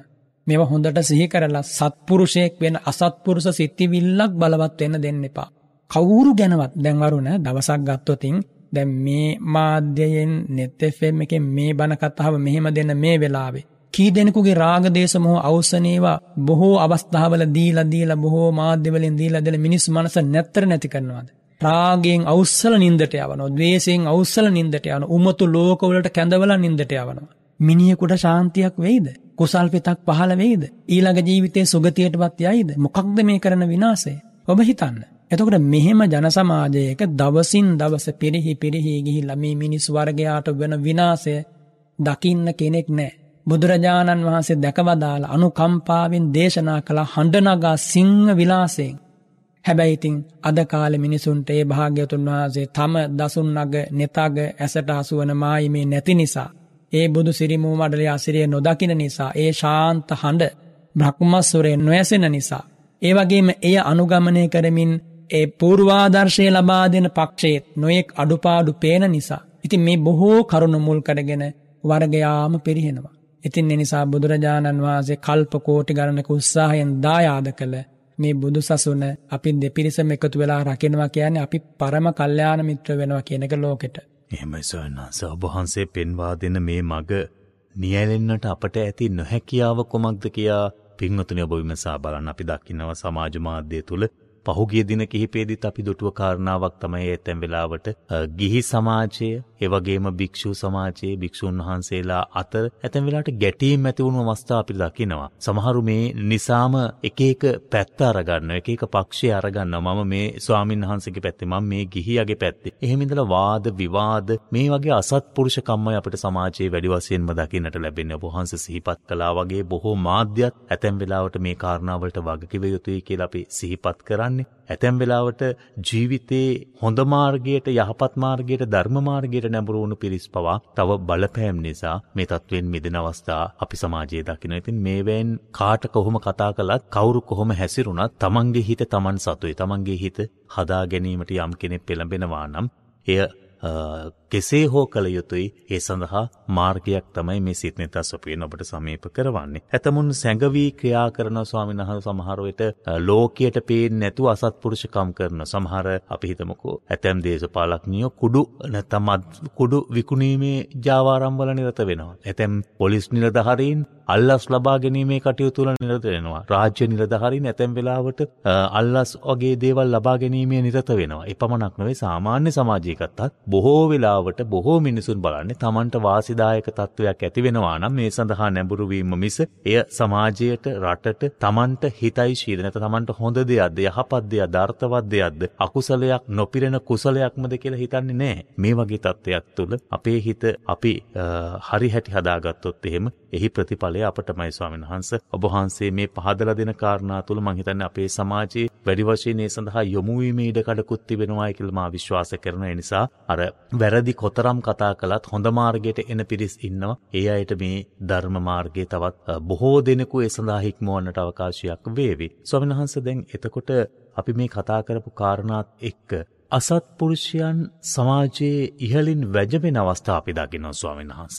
ධනයෙන් වැඩිව, බලයෙන් වැඩිව, එවගේම නිලයෙන් වැඩිව බොහොම ඉහලින් වැජබෙන අවස්ථාවන් බහුලව දකිනවා. සමාජයේ සාමාන්‍ය කියමනකුත් තිබෙනවා කොච්චර අසත්පුරුෂකම් කළත් ඒ මිනිස්සුන්ටමනේ හරියන්නේ. ධර්මානුකූල ජීවිතයක් ගෙවන අපට ඇයි මෙහෙම වෙන්නේ කියන සමාජ කියමනකුත් තිබෙනවා ස්වාමීන් වහන්සේ. එතකොට අපි මේ දකින්නේ බාහිර සමාජයෙන් ලැබුණු ධනය බලය නිලය ආදී කාරණා තුල අපේ හිත අපි වෙනස් මාර්ගය නැත්නම් වැරදි පැත්තකට හරවගෙනද අපි කරන හොඳ දේවල් ප්‍රතිඵලය අපි හඳුනාගෙන නැතිද මොකක්ද ඔබ වහන්සේ මේ මේ මේ කාරණාව කෙරෙහි ධර්මානුකූලව ලබා දෙන විග්‍රහය වරුණ මේ ජීවිතේ ඔබට හෝ මට යමක් ලැබිලා තියෙනවනේ. කෑම බීම ටිකක් ඇඳුම් ටිකක් ඉන්න හිටින්න තැනක් පැවිද්දෙක් වුණ මට ඒවා කැපසරුප්පාකාරයෙන් ලැබිලා තියෙනවා. ඔබටත් ලැබිලා තියෙනවා. මේ ලෝකේ අනිත් මිනිසුන්ටත් ලැබිලා තියෙනවා. ඒ ලැබීම් ප්‍රමාණය අඩු වැඩියක් ලෝකේ තියෙනවනේ. ඒක අපි පිළිගන්නවනේ. එහෙමයි. ඒ පිළිගැනීම සමගම අපිට ප්‍රත්‍යක්ෂ වෙනවනේ හේතුඵල ධාමයි පෙර ජීවිතවල හොඳට යහමින් දන් දීපු අය මේ ජීවිතේ මහේශාක්‍යව වැජබෙනවා පෙර ජීවිතවල හොඳට සිල් රැකපු අය මේ ජීවිතවල ජනප්‍රිය බව කීර්ති නාමය උපදවාගෙන ලස්සන රූපයක් නැතිව කටහඬවල් ඇතිව මේ ජන සමාජය ප්‍රසිද්ධ වෙනවා. මේකේ අමුතු ආකස්මික බවක් එහෙම නැත්නම් මේ අමුතු මැවීමක් එහෙම නැත්නම් අමුතු පහළවීමක් රහස්‍ය බවක් නෑ. ඒ අතු හේතු සම්පූර්ණ කළ ඵල ලබාගෙන මේ මිනිස් ලෝකයේ තුල අඩු වැඩි වශයෙන් සැප සම්පත් ආදී සියල්ල ලබාගෙන ජීවත් වෙනවා. එතකොට බලන්න මේ ජීවිතේ ඉහළම තැන්වල ඉන්න මේ මනුස්ස ලෝකේ ගත්තොත් ඉහළම තැන්වල ඉන්න අපේ රටේ ගත්තොත් ඉහළම තැන්වල ඉන්න ප්‍රධානත්වයන් දරන උසස් පුටුවල ඉන්න ඇත්තෝ පෙර ජීවිතවල ඒ තැන්වලට එන්න ඇත්තු පින් පුරා ගත්තා. ඒ පිනත් එක්ක ඒ අත්තන්ට ඒ තැන් ලැබුණා. හැබැයි ඒ අත්තන්ට ඒ තැන් ලැබීම් පමණින් සත්පුරුෂ ඇසුර ලැබුණේ නැත්තම් තථාගත ධර්මයේ රූහණය වුණේ නැත්තම් ඒ සිත්වල ඒ අත්තන්ගෙන් සීලය බලාපොරොත්තු වෙන්න පුළුවන්. වරුණ සීලය කියන එක ඉබේ පහළ වෙන්නේ නැහනේ. සමාධිය කියන එක ඉබේ පහළ වෙන්නේ නැහැ. සුකරානි අසාධුනි. අත්තනෝ අහිතානිත. යමෙකුට අහිත දුක නිරය පිණිස පවතින දේවල් નિરાයාසයෙන් ඒ හදවතේ පහළ වෙනවා. ඒකට සංසාරය කියන්නේ. අවිද්‍යාව ප්‍රත්‍ය කරගෙන සංස්කාර උපදවන්න පහළ වෙන්නට සංස්කාර ප්‍රත්‍ය කරගෙන විඥානයේ පහළ වෙන්නට ඔය ප්‍රවාහය දුගතියට සසරට පක්ෂව සිද්ධ වෙන්නට කාගේවත් අනුබලයක් අවශ්‍ය නැහැ. ප්‍රකුල් දීමක් අවශ්‍ය නැහැ. හැබැයි අවිද්‍යාව ඉතිරියක් නැතුව නිරුද්ධ කරමින් සංඛාර නිරෝධයට එන්න ලෞතර බුදු කෙනෙකුගේ මඟ පෙන්වීම අවශ්‍යයි. එනිසා හැම වෙලාවකම සසර ගමනට වටයට නිරයට දුගතියට කෙසිදාක අමුතුවෙන් තල්ලු කරන්න අවශ්‍ය නැහැ. નિરાයාසෙන් සත්ව වර්ගයාම ඒ උදෙසාම නැඹුරු වීගෙන ඒ උදෙසාම අවනත වීගෙන තමයි ගමන් කරන්නේ. බුදුරජාණන් වහන්සේ වදාරනුවේ නියසිලට ගත්ත පස්වල්පයක් වගේ ඉතා සීමිත පිරිසක් මිනිස් ලෝකයෙන් චුත වෙලා දෙබ්ලොවට නැමත මිනිස් ලොවට යනවා කියලා. කවදාවත් අතහාගතයන් අප දේශනා කළා නෑනේ මහ පොළොව වගේ පිරිසක් සුගතියට යනවා කියලා. ඒක තමයි ලෝක නියාමය, ලෝක ධර්මතාවය. එනිසා කවදාකවත් ජන සමාජයෙන් සත්පුරුෂයෙකුගේ මඟ පෙන්වීමකින් තොරව පහළ වූ සත්පුරුෂය හොයාගන්න බෑ. එහෙම ඉන්නවනම් එකම එක්කෙනා ඉන්නේ ලෞතර බුදුරජාණන් වහන්සේ. ලෞතුරා බුදුරජාණන් වහන්සේට පමණයි ඒ ස්වයම්භූ ඥානය ඒ මහා ඥාන බලය කිසිවෙකුගේ මඟ පෙන්වීමකින් තොරව මේ ලෞතුරා බුද්ධරාජ්‍යයට පත්වන ජීවිතයේදී පහළ කරගන්න පුළුවන්. එනිසා අප ජීවත් වන ජන සමාජයේ මිනිසු කොයි තරම් බලපුළුවන් කාරකං ඇතුව ජීවත් වනත් ඒ ඇත්තන්ගේ කොයි තරම් තාඩන පීඩන ආදී දේවල් සාමාන්‍ය යටත් වර්ගයාට එල්ල වුණත් ඒ ඇත්තන දොස් පවරලා වැඩක් නැහැ. ඒ වගේම ඔබ සිල් රකින්නවා ඔබ බුද්ධ පූජාව පවත්වනවා මල් පහන් පූජා කරනවා පංචසීලය දිවිහිමියෙන් ආරක්ෂා කරනවා කියලා ඒ ගුණධර්ම වලට මේ ජීවිතය තුළම ප්‍රතිඵල බලාපොරොත්තු වෙන්න යන්න එපා. ඔබ නිවන් සුවේ බලාපොරොත්තු වෙන ඒ දේවල් කරන්න. ඔබ මේ ජීවිතයයි මම මෙහෙම දේවල් කරද්දී ඇයි මට මෙහෙම වෙන්නේ? සත්පුරුෂයන්ටමනේ හරියන්නේ කියලා ඔබ කියනවා නම් මේ ධර්ම මාර්ගයෙන් ඔබ ඉවත් වෙලා. පැහැදිලිද වරුණ? මම හෝ ඔබ කියනවනම් ඇයි මේ අපට හරියන්නේ නැත්තේ? එහෙම අවලාදන ගන්න අවශ්‍ය නැහැ. අපට හරියන්නේ නැත්තේ ඇයි කියලා වචනයක්වත් කටින් එන්න බෑ. හේතුව මොකද අපි හේතු සම්පූර්ණ කරලා නැහැ. ඒකයි අපිට යම් අඩුපාඩු වෙලා තියෙන්නේ. හැමදාම පීඩනය එල්ල වෙන්නේ. හැමදාම තාඩනය එල්ල වෙන්නේ. හැමදාම විවේචන එල්ල වෙන්නේ. හැමදාම දුගී දුප්පත් භාවයන් රජ වෙන්නේ අපේ ජීවිතවල. අපි මේ දේවල් කරලා නැති නිසා. ඉතින් මේ ධර්මයේ හැසිරෙන අවස්ථාව ලැබුණා අර මහේශාක්‍යව ජීවත් වෙන නැත්තන්ට වඩා වරප්‍රසාදයක් අපිට ලැබිලා තියෙනවා. මහා ධනයක්, අමිල නිධානයක්. එතකොට ඒ දේ සුරක්ෂිත කරනවා හැර ඒ දේ සුරක්ෂිත කරමින් අර ලාමක දේවල් එකට ගෙන ඉඳුල් කියලා අන්න ඉඳුල් බලාපොරොත්තු වෙන්න යන්න හොඳ නෑ වරුණ කවදාකවත්. එහෙමයි. අපි හොඳට තේරුම් ගන්නට ඕනි ඒ වගේ මේ ජීවිතය තුළ ධර්මයේ හැසිරিলা මේ ලෞකිකත්වය තුළ ධනය බලය එහෙම නැත්නම් විභාග සමත් වීම ඔය වගේ ලාමක දේවල් බලාපොරොත්තු වෙන්න කිසිදාක ධර්මයේ හැසිරලා බලාපොරොත්තු වෙන්න එපා. ලෝතුරා බුදුරජාණන් වහන්සේ මඟ පෙන්වන්නේ ඔය දිරන මැරෙන හිත අනිද්දා නිරේ වැටෙන්න තියෙන අවීචයේ වැටෙන්න තියෙන දුකෙන් අනතුරෙන් මුදව ගන්න. එතකොට වරුණ දැන් ඒ අත් ඔය මහ පුටුවල ඉඳගෙන අපරාධ කරනවා කියලා හිතන්න. මේ ජන සමාජයට මහා පිළිලයන් නිර්මාණය කරනවා කියලා හිතන්න. ඒ ඇත්තෝ ඉතින් ওই දේවල් කොච්චර කාලයක් කරන්නද? මේ ආයුෂ් කල්පයේ ආයුෂ කීයද තියෙන අවුරුදු වශයෙන් ගත්තොත් අපිට ජීවත් වෙන්න. ඉතින් ඒ ඇත්තන්ටත් මේ ඉරණ මේ විදිහටම සිද්ධ වෙනවානේ. එනිසා ඒ ඇත්තන් දිහා බලලා ඇයි අපි අපේ මේ අපි පුරුදු කරන ධර්මය අපි අනුගමනය කරන ධර්මයේ ලංසුවට තියන්න හදන්නේ. ඇයි අපිට මෙහෙම වෙන්නේ නැත්තේ කියලා. නිසා ලෞකික පරමාර්ථ මුල් කරගෙන සසර හඹාගෙන ගියපු හින්දාමයි මේ වින්නය යුනේ. මේ අවස්ථාවේ ලෞකිකත්වයෙන් හිත මුදව ගන්න මොනවා හරි කන්න ලැබෙයි මැරෙනකම්. අඳින්න ලැබේ මොනවා හරි මැරෙනකම් එන්න හිටින්න අතුපැලක් හරි හම්බ වෙනවනේ. මහා මැදුරවල හිටපු අයත් ඉතින් අද කෝ පොළොවේ පස් වෙලා ගියානේ. අන්න එහෙම චින්තනයකට එන්නේ නැතුව නම් කවදාවත් වරුණ මේ දුක අවසන් වෙන්නේ නැහැ. හුරතල් වෙලා ඊළඟට මේ මේ මේකත් ඕනි කියලා එක අතකින් අල්ල ගන්නවා අනිත් අතකින් තව දෙයක් අල්ල ගන්නවා. වරුණ කාමයන් අතහැරියොත්මයි රූපාවචර ධර්ම පහළ වෙන්නේ ධාන පහළ වෙන්නේ. එනිසා සසරත් අල්ලගෙන නිවනත් හොයාගෙන යන්න නම් බෑ. හොඳට තේරුම් ගන්න මේ දේවල් මමත් එහෙමයි අරුණ ගිහි පැවිදි කියලා මේකට අදාළ නැහැ. අල්ලා ගත යුත්තේ තථාගත ධර්මයේ කුමක් පිණිසද විමුක්ති ඥාන දර්ශනය පිණිස. ධර්මයේ අල්ලගත යුත්තේත් අමා නිවන පිණිස නම් බුදුරජාණන් වහන්සේ වදාරනවනේ වරුණ කුල්ලූපමං වෝ භික්කවේ ධම්මං දේසිස්සාමි නිත්තරණත්තායනෝ ගානත්තාය. මේ දහම මම පහුරකට උපමා කරලා එනු බලට දේශනා කරන්නේ. සිල් ආරක්ෂා කරලා මම දැන් සිල්වතෙක් කියලා නතර වෙන්න එහෙම නෙමෙයි. මම දැන් සමාධි සම්පන්න කෙනෙක් මම දොතහාංගධාරියෙක්. මට ධ්‍යාන තියෙනවා මට අෂ්ට සමාපත්තිය තියෙනවා. මට අහසින් යන්න පුළුවන්. වරුණ අපි නිතර අහන කතාවක් නේ. අර තාපසතුමා දියෙන් ඇවිදගෙන ගිය බුදුරජාණන් වහන්සේ ඉදිරියේ. එහෙමයි.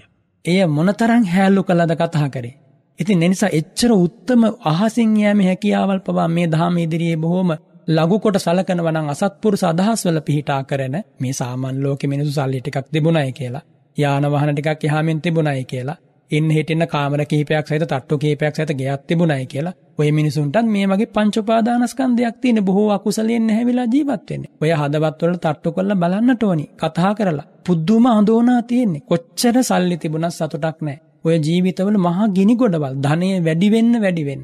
බලය වැඩි වෙන්න වැඩි වෙන්න ඒවා රැක ගන්න වෙනවා. වැඩි බලයක් සහිතව කෙනෙක් ඉඳලා වරුණ නැත්තර නැති වෙලා ගියන් ඒ මනුස්සයා කොච්චර මනසින් වැටෙනවද? කොච්චර බෙහෙත් කන්දරාවක් බීලාද? ඔය නැගිටලා ආයසරයක් එන්නේ. එනිසා මේවත් තේරුම් අරගන්න මේ අසරණ මිනිස්සු මේවා නොදන්නකම නිසා අර ලාමක කුණු රසය හොය හොයා යනවා. මේ ශාසනය තුළ වරුණ ලැබෙන තැනසීම අනන්ත සැනසීමක්. ඒ සැනසීමට ගහක් යට ඉන්න ලැබුණාම කුස පෙරෙන දවසකට එක වේලක් ලැබුණාම හොඳටම ඇති. හැබැයි එතෙන්ට හිත ගන්න එකපාරට අමාරුයි. හැමෝටම මම එතෙන්ට එන්න කියනවා කියන එක නෙමෙයි මේ කියන්නේ. අනුන්ගේ දේවල් වලට හූල්ල හූල්ල ඉන්නේ නැතිව Tamanට ලැබිච්ච දේ අල්පේච්ච සන්තුට්ටි කියන ගුණවල පිහිටා පරිශීලනය කරමින් නූපන් සැප සම්පත් ලබා ගන්න උවමනා නම් ධාර්මික පදනමක ඉඳන් වැඩි වීරියක් ගන්න. ඒ වීරියට සාධාරණ ඵලයක් ලැබේ. ලැබෙන ඵලයෙන් සතුටු වෙන්න මේක මගේ ලැබීම මෙපමණයි කියලා. හැබැයි ලැබීම මෙපමණයි කියලා සතුටු වෙලා ඒ කම්මැලිකමට නිදාගෙන ඉන්න කියන එක නෙමෙයි කියන්නේ. අදට වඩා වැඩි වීරියක් හෙට ගන්න. වීරිය උපරිමයෙන් යොදන්න. ධර්මානුකූල ක්‍රමෝපාය හඳුනා ගන්න. මෙලොවට පරලොවට අනර්ථය පිණිස නොපවතින විදිහේ රැකියාවක් තෝරගන්න. ඒ ඔස්සේ මැරීගෙන වැඩ කරන්න කිසි ප්‍රශ්නයක් නැහැ. හැබැයි මේ ධර්මය අමතක කරලා නෙමෙයි. ඔය විදිය ගමනක් ගියොත් වරුණ මේ ශාසනය වරදින්නේ නැහැ. හොඳයි අපේ මේ තත්ත්වයේ ඉන්නවද? පින්නතුනි ඔබ හිතන්නකෝ දැන් අපි බොහෝ වෙලාවට බෝධි පූජාවක් කළත් ඒ සම්බුදුරජාණන් වහන්සේගේ උතුම් වූ අවබෝධඥානය පිළිබඳව ගෞරව හිතකින් කරන බෝධි පූජාවක් නෙමෙයි තිබෙන්නේ. ඒ තුලත් අපි මේ සාමාන්‍ය ජීවිතය තුළ ලෞකිකව අපට යම් යම් දේවල් ලබා ගැනීමේ ප්‍රතිලාභ බලාපොරොත්තුවෙන් කරන දේවල් තමයි කරන්නේ. ඉතින් එවැනි සමාජයක් තුළ මේ ස්වාමින් වහන්සේ අපට පහදලා දෙන මාර්ගය කොතරම් වෙනස්ද? ඒ මාර්ගයේ නොගියොත් එහෙම අපි කොතරම් අසරණ වෙනවා. ඒ නිසා අනුන්ගේ දේවල් පිළිබඳව හිතන්නට, අනුන්ගේ දේවල් පිළිබඳ කතා කරන්නට, අනුන්ගේ දේවල් පිළිබඳව හිතෙන් ගැටීම් ඇති කරගන්නට පෙළඹෙනවාට වඩා Tamanගේ හිත හදාගෙන Taman හරි හැටි මේ මාර්ගයේ නියැලෙන්නට නැවත නැවත අපි ඔබට ආරාධනා කරනවා. සමන්හංශ වැඩසටහනින් සමුගන්න ක්‍රමක්‍රමයෙන් කාලය ලං වෙමින් තිබෙන නිසා අපට යොමු කරපු ප්‍රශ්නයක් වෙතම යොමු වෙනට කැමැති මේ සත්පුරුෂ අසත්පුරුෂ කාරණාවන් කෙරෙහි යොමු නොවූ ප්‍රශ්නයක් වුවත් මං හිතනවා අපේ ශ්‍රාවකයන් විමසා තිබෙන නිසා වහන්සේගෙන් දැනගන්නට රෝචනී කියලා ශ්‍රාවිකාවක් තමයි මේ ප්‍රශ්නය යොමු කරලා තිබෙන ස්වාමීන් වහන්ස. ඇය විමසා සිටිනවා. අපි යම් පිනක් කුසලයක් කරන්නේ. බණ කියනකොට ඇය විමසා තිබෙන ආකාරයකට අවසානයේදී පුණ්‍යානුමෝදනාවක් සිදු කළ යුතුයමද ස්වාමින් වහන්සේ සිහිපත් කළා. ගමේ පන්සලේ ස්වාමින් වහන්සේ සිහිපත් කළා. බණ පොතේ කොහේවත් පුණ්‍යානුමෝදනා කරන්න කියලා සටහන් කරලා නැහැ. කොහෙම ධර්ම දේශනාවල මේ සිදු කළාට බුදුරජාණන් වහන්සේ එහෙම දේශනා කරලා නැහැ කියන කාරණය ඇයට දැනගන්නට අවශ්‍යයි කියලා ඇය සිහිපත් කරලා තිබෙන්නේ. ඇයි අපි පුණ්‍යානුමෝදනාවක් කරන්නේ? එය කළ යුතුයමද? එය නොකළාත් එහෙම ශ්‍රාවකයන් විදිහට පින්කම සිදු කර නැත්නම් විදිහට ඇතැම් වෙලාවට ගැටීම් ඇති කරගන්නවා. හිතේ යම් ආකාරයේ ඒ පිළිබඳව කලකිරීම ඇති කරගන්නවා. මෙය සුදුසු ක්‍රියාවක්ද සුදුසු ක්‍රියාවක්ද මේ සම්බන්ධව ධර්මානුකූල විග්‍රහය කෙසේද කියලා එය විමසා සිටිනවා. වරුණ දැන් අද ධර්මදේශනාව සඳහාත් පිරිසක් දායකත්වය දරුවනේ. ඒ ඇත්තෝ දායකත්වය දරලා ඒ අවශ්‍ය කරනේ ප්‍රතිපාදන පරිත්‍යාග කරනකොටම ඒ ඇත්තන්ගේ ධර්මදානමේ පින්කම සිද්ධ වෙලා ඉවරයි. නම් ගොත් ඒ දේවල් කිව්වත් එකයි නොකිව්වත් එකයි. කිසි ප්‍රශ්නයක් නැහැ. හැබැයි දැන් අපි චාරිත්‍ර විදිහක් හැටියට මේ ජන සමාජයේ සම්මත වෙලා තියෙන මෙහෙම ධර්මදානයක් ලබා දෙන මෙහෙම පිරිසක් කියලා අපි කියනවා. හැබැයි වඩාත්ම හොඳයි වරුණ එහෙම නමක් නොකියාම හරින එක. වැදගත් වෙනවා පුණ්‍යානුමෝදනාවක් අපි ගත්තොත් මිය පරලොව ගියපු කෙනෙකුට පින් අනුමෝදන් කරන අවස්ථාවක ඒගොල්ලන්ගේ නම් කියලා පින් අනුමෝදන් කරන්න අවසරය ශාසනය තියෙනවානේ. ඒකට මඟ පෙන්වීමකුත් ලැබෙනවනේ ඔය තිරෝකුඩ්ඩ වගේ සූත්‍ර වලින්. එතකොට එහෙම පින් අනුමෝදන් කරාට මිය පරලොව ගියපු අයට ඒක කිසි වරදක් නැහැ දෙවියන්ට පින් අනුමෝදන් කරනවා ඥාතින්ට පින් අනුමෝදන් කරනවා ඔවුන්ගේ නම් ගොත් සිහිපත් කරනවා. ඒ වගේම වරුණ දැන් මෙහෙම දෙයක්ත් මෙතන තියෙනවා. දැන් ධර්ම දානයක් අනේ අපට අද මේ බණපදේ ඇහෙන්න සැලැස්සුවේ මේ අසවල් පිරිසනේ මේගොල්ලෝනේ මේ මූල්‍ය ප්‍රතිපාදන සිද්ධ කරලා තියෙන්නේ. මේ මිනිසු නිදුක් නිරෝගී වේවා කියලා මේ බණපදේ අහන හැමෝගෙම වගේ හිතවල සත්පුරුෂ අදහසක් පහළ වෙනවනේ. මේ බණපදයෙන් හිත නිමුණාම මේ ධර්මය ලබා දීපු දැන් වරුණට ඊළඟට net fm එකේ කාර්ය මණ්ඩලයට ඊළඟට අපි ගත්තොතින් දැන් මේ ධර්ම දාණය ලබා දෙන පිරිසට දේශනා කරන ස්වාමීන් වහන්සේ හැමෝ ගැනම හොඳ මෛත්‍රී සහගත සිතුවිලි සමුදායක් ලක්ෂ ගණනකගේ සිත්වල පහළ වෙනවා. එහෙමයි. ඉතින් අන්නේ පහළ වීම තුල ඒ පහළ වීමම අර ධර්ම දාණය දීපු අයට ඒ උපකාර කරපු අයට ඒක සැබවින්ම ආශිර්වාදයක්. බුදුරජාණන් වහන්සේ දේශනා කරනවා දෙමව්පියන්ගේ ආශිර්වාදය ලබන දරුවෝ පිරිහෙන්නේ නැහැ. සංඝරත්නයේ ආශිර්වාදය ලබන දායක දායිකාවෝ දියුණුවක් කරාම යනවා. ඉතින් එනිසා ඒකේ වරදක් නෑ. එහෙම නමක් සිහිපත් කළා ආශිර්වාද කරා කියලා වරදක් නෑ. හැබැයි වරුණ ඇතිතාක් නම් ගොත් විශාල වශයෙන් ලියලියා.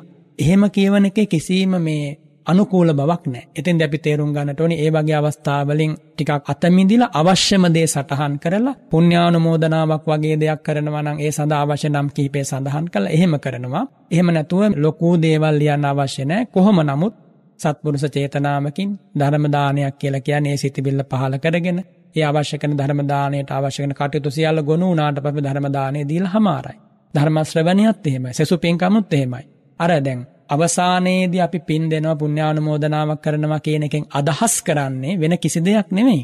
මේ වගේ පින්කමක් කරපු අය මෙහෙම ලෝකේ ඉන්නවා කියලා ඕන් පිළිබඳව යම් ඇගීමක් කිරීම. හැබැයි ඒ ඇගීම සත්පුරුෂ පදනමක පිහිටා කරනවා විනා මාන්නේ වැඩෙන්න, අහංකාරකම වැඩෙන්න, තන ප්‍රමුඛත්වය ලැබෙන්න, නම කියවා ගන්න ඒ වගේ අදහස් වලින් සිද්ධ නොවිය යුතුයි. එහෙම සිද්ධ වෙනවා නම් ඒකේ වැඩකුත් නැහැ වරුණ.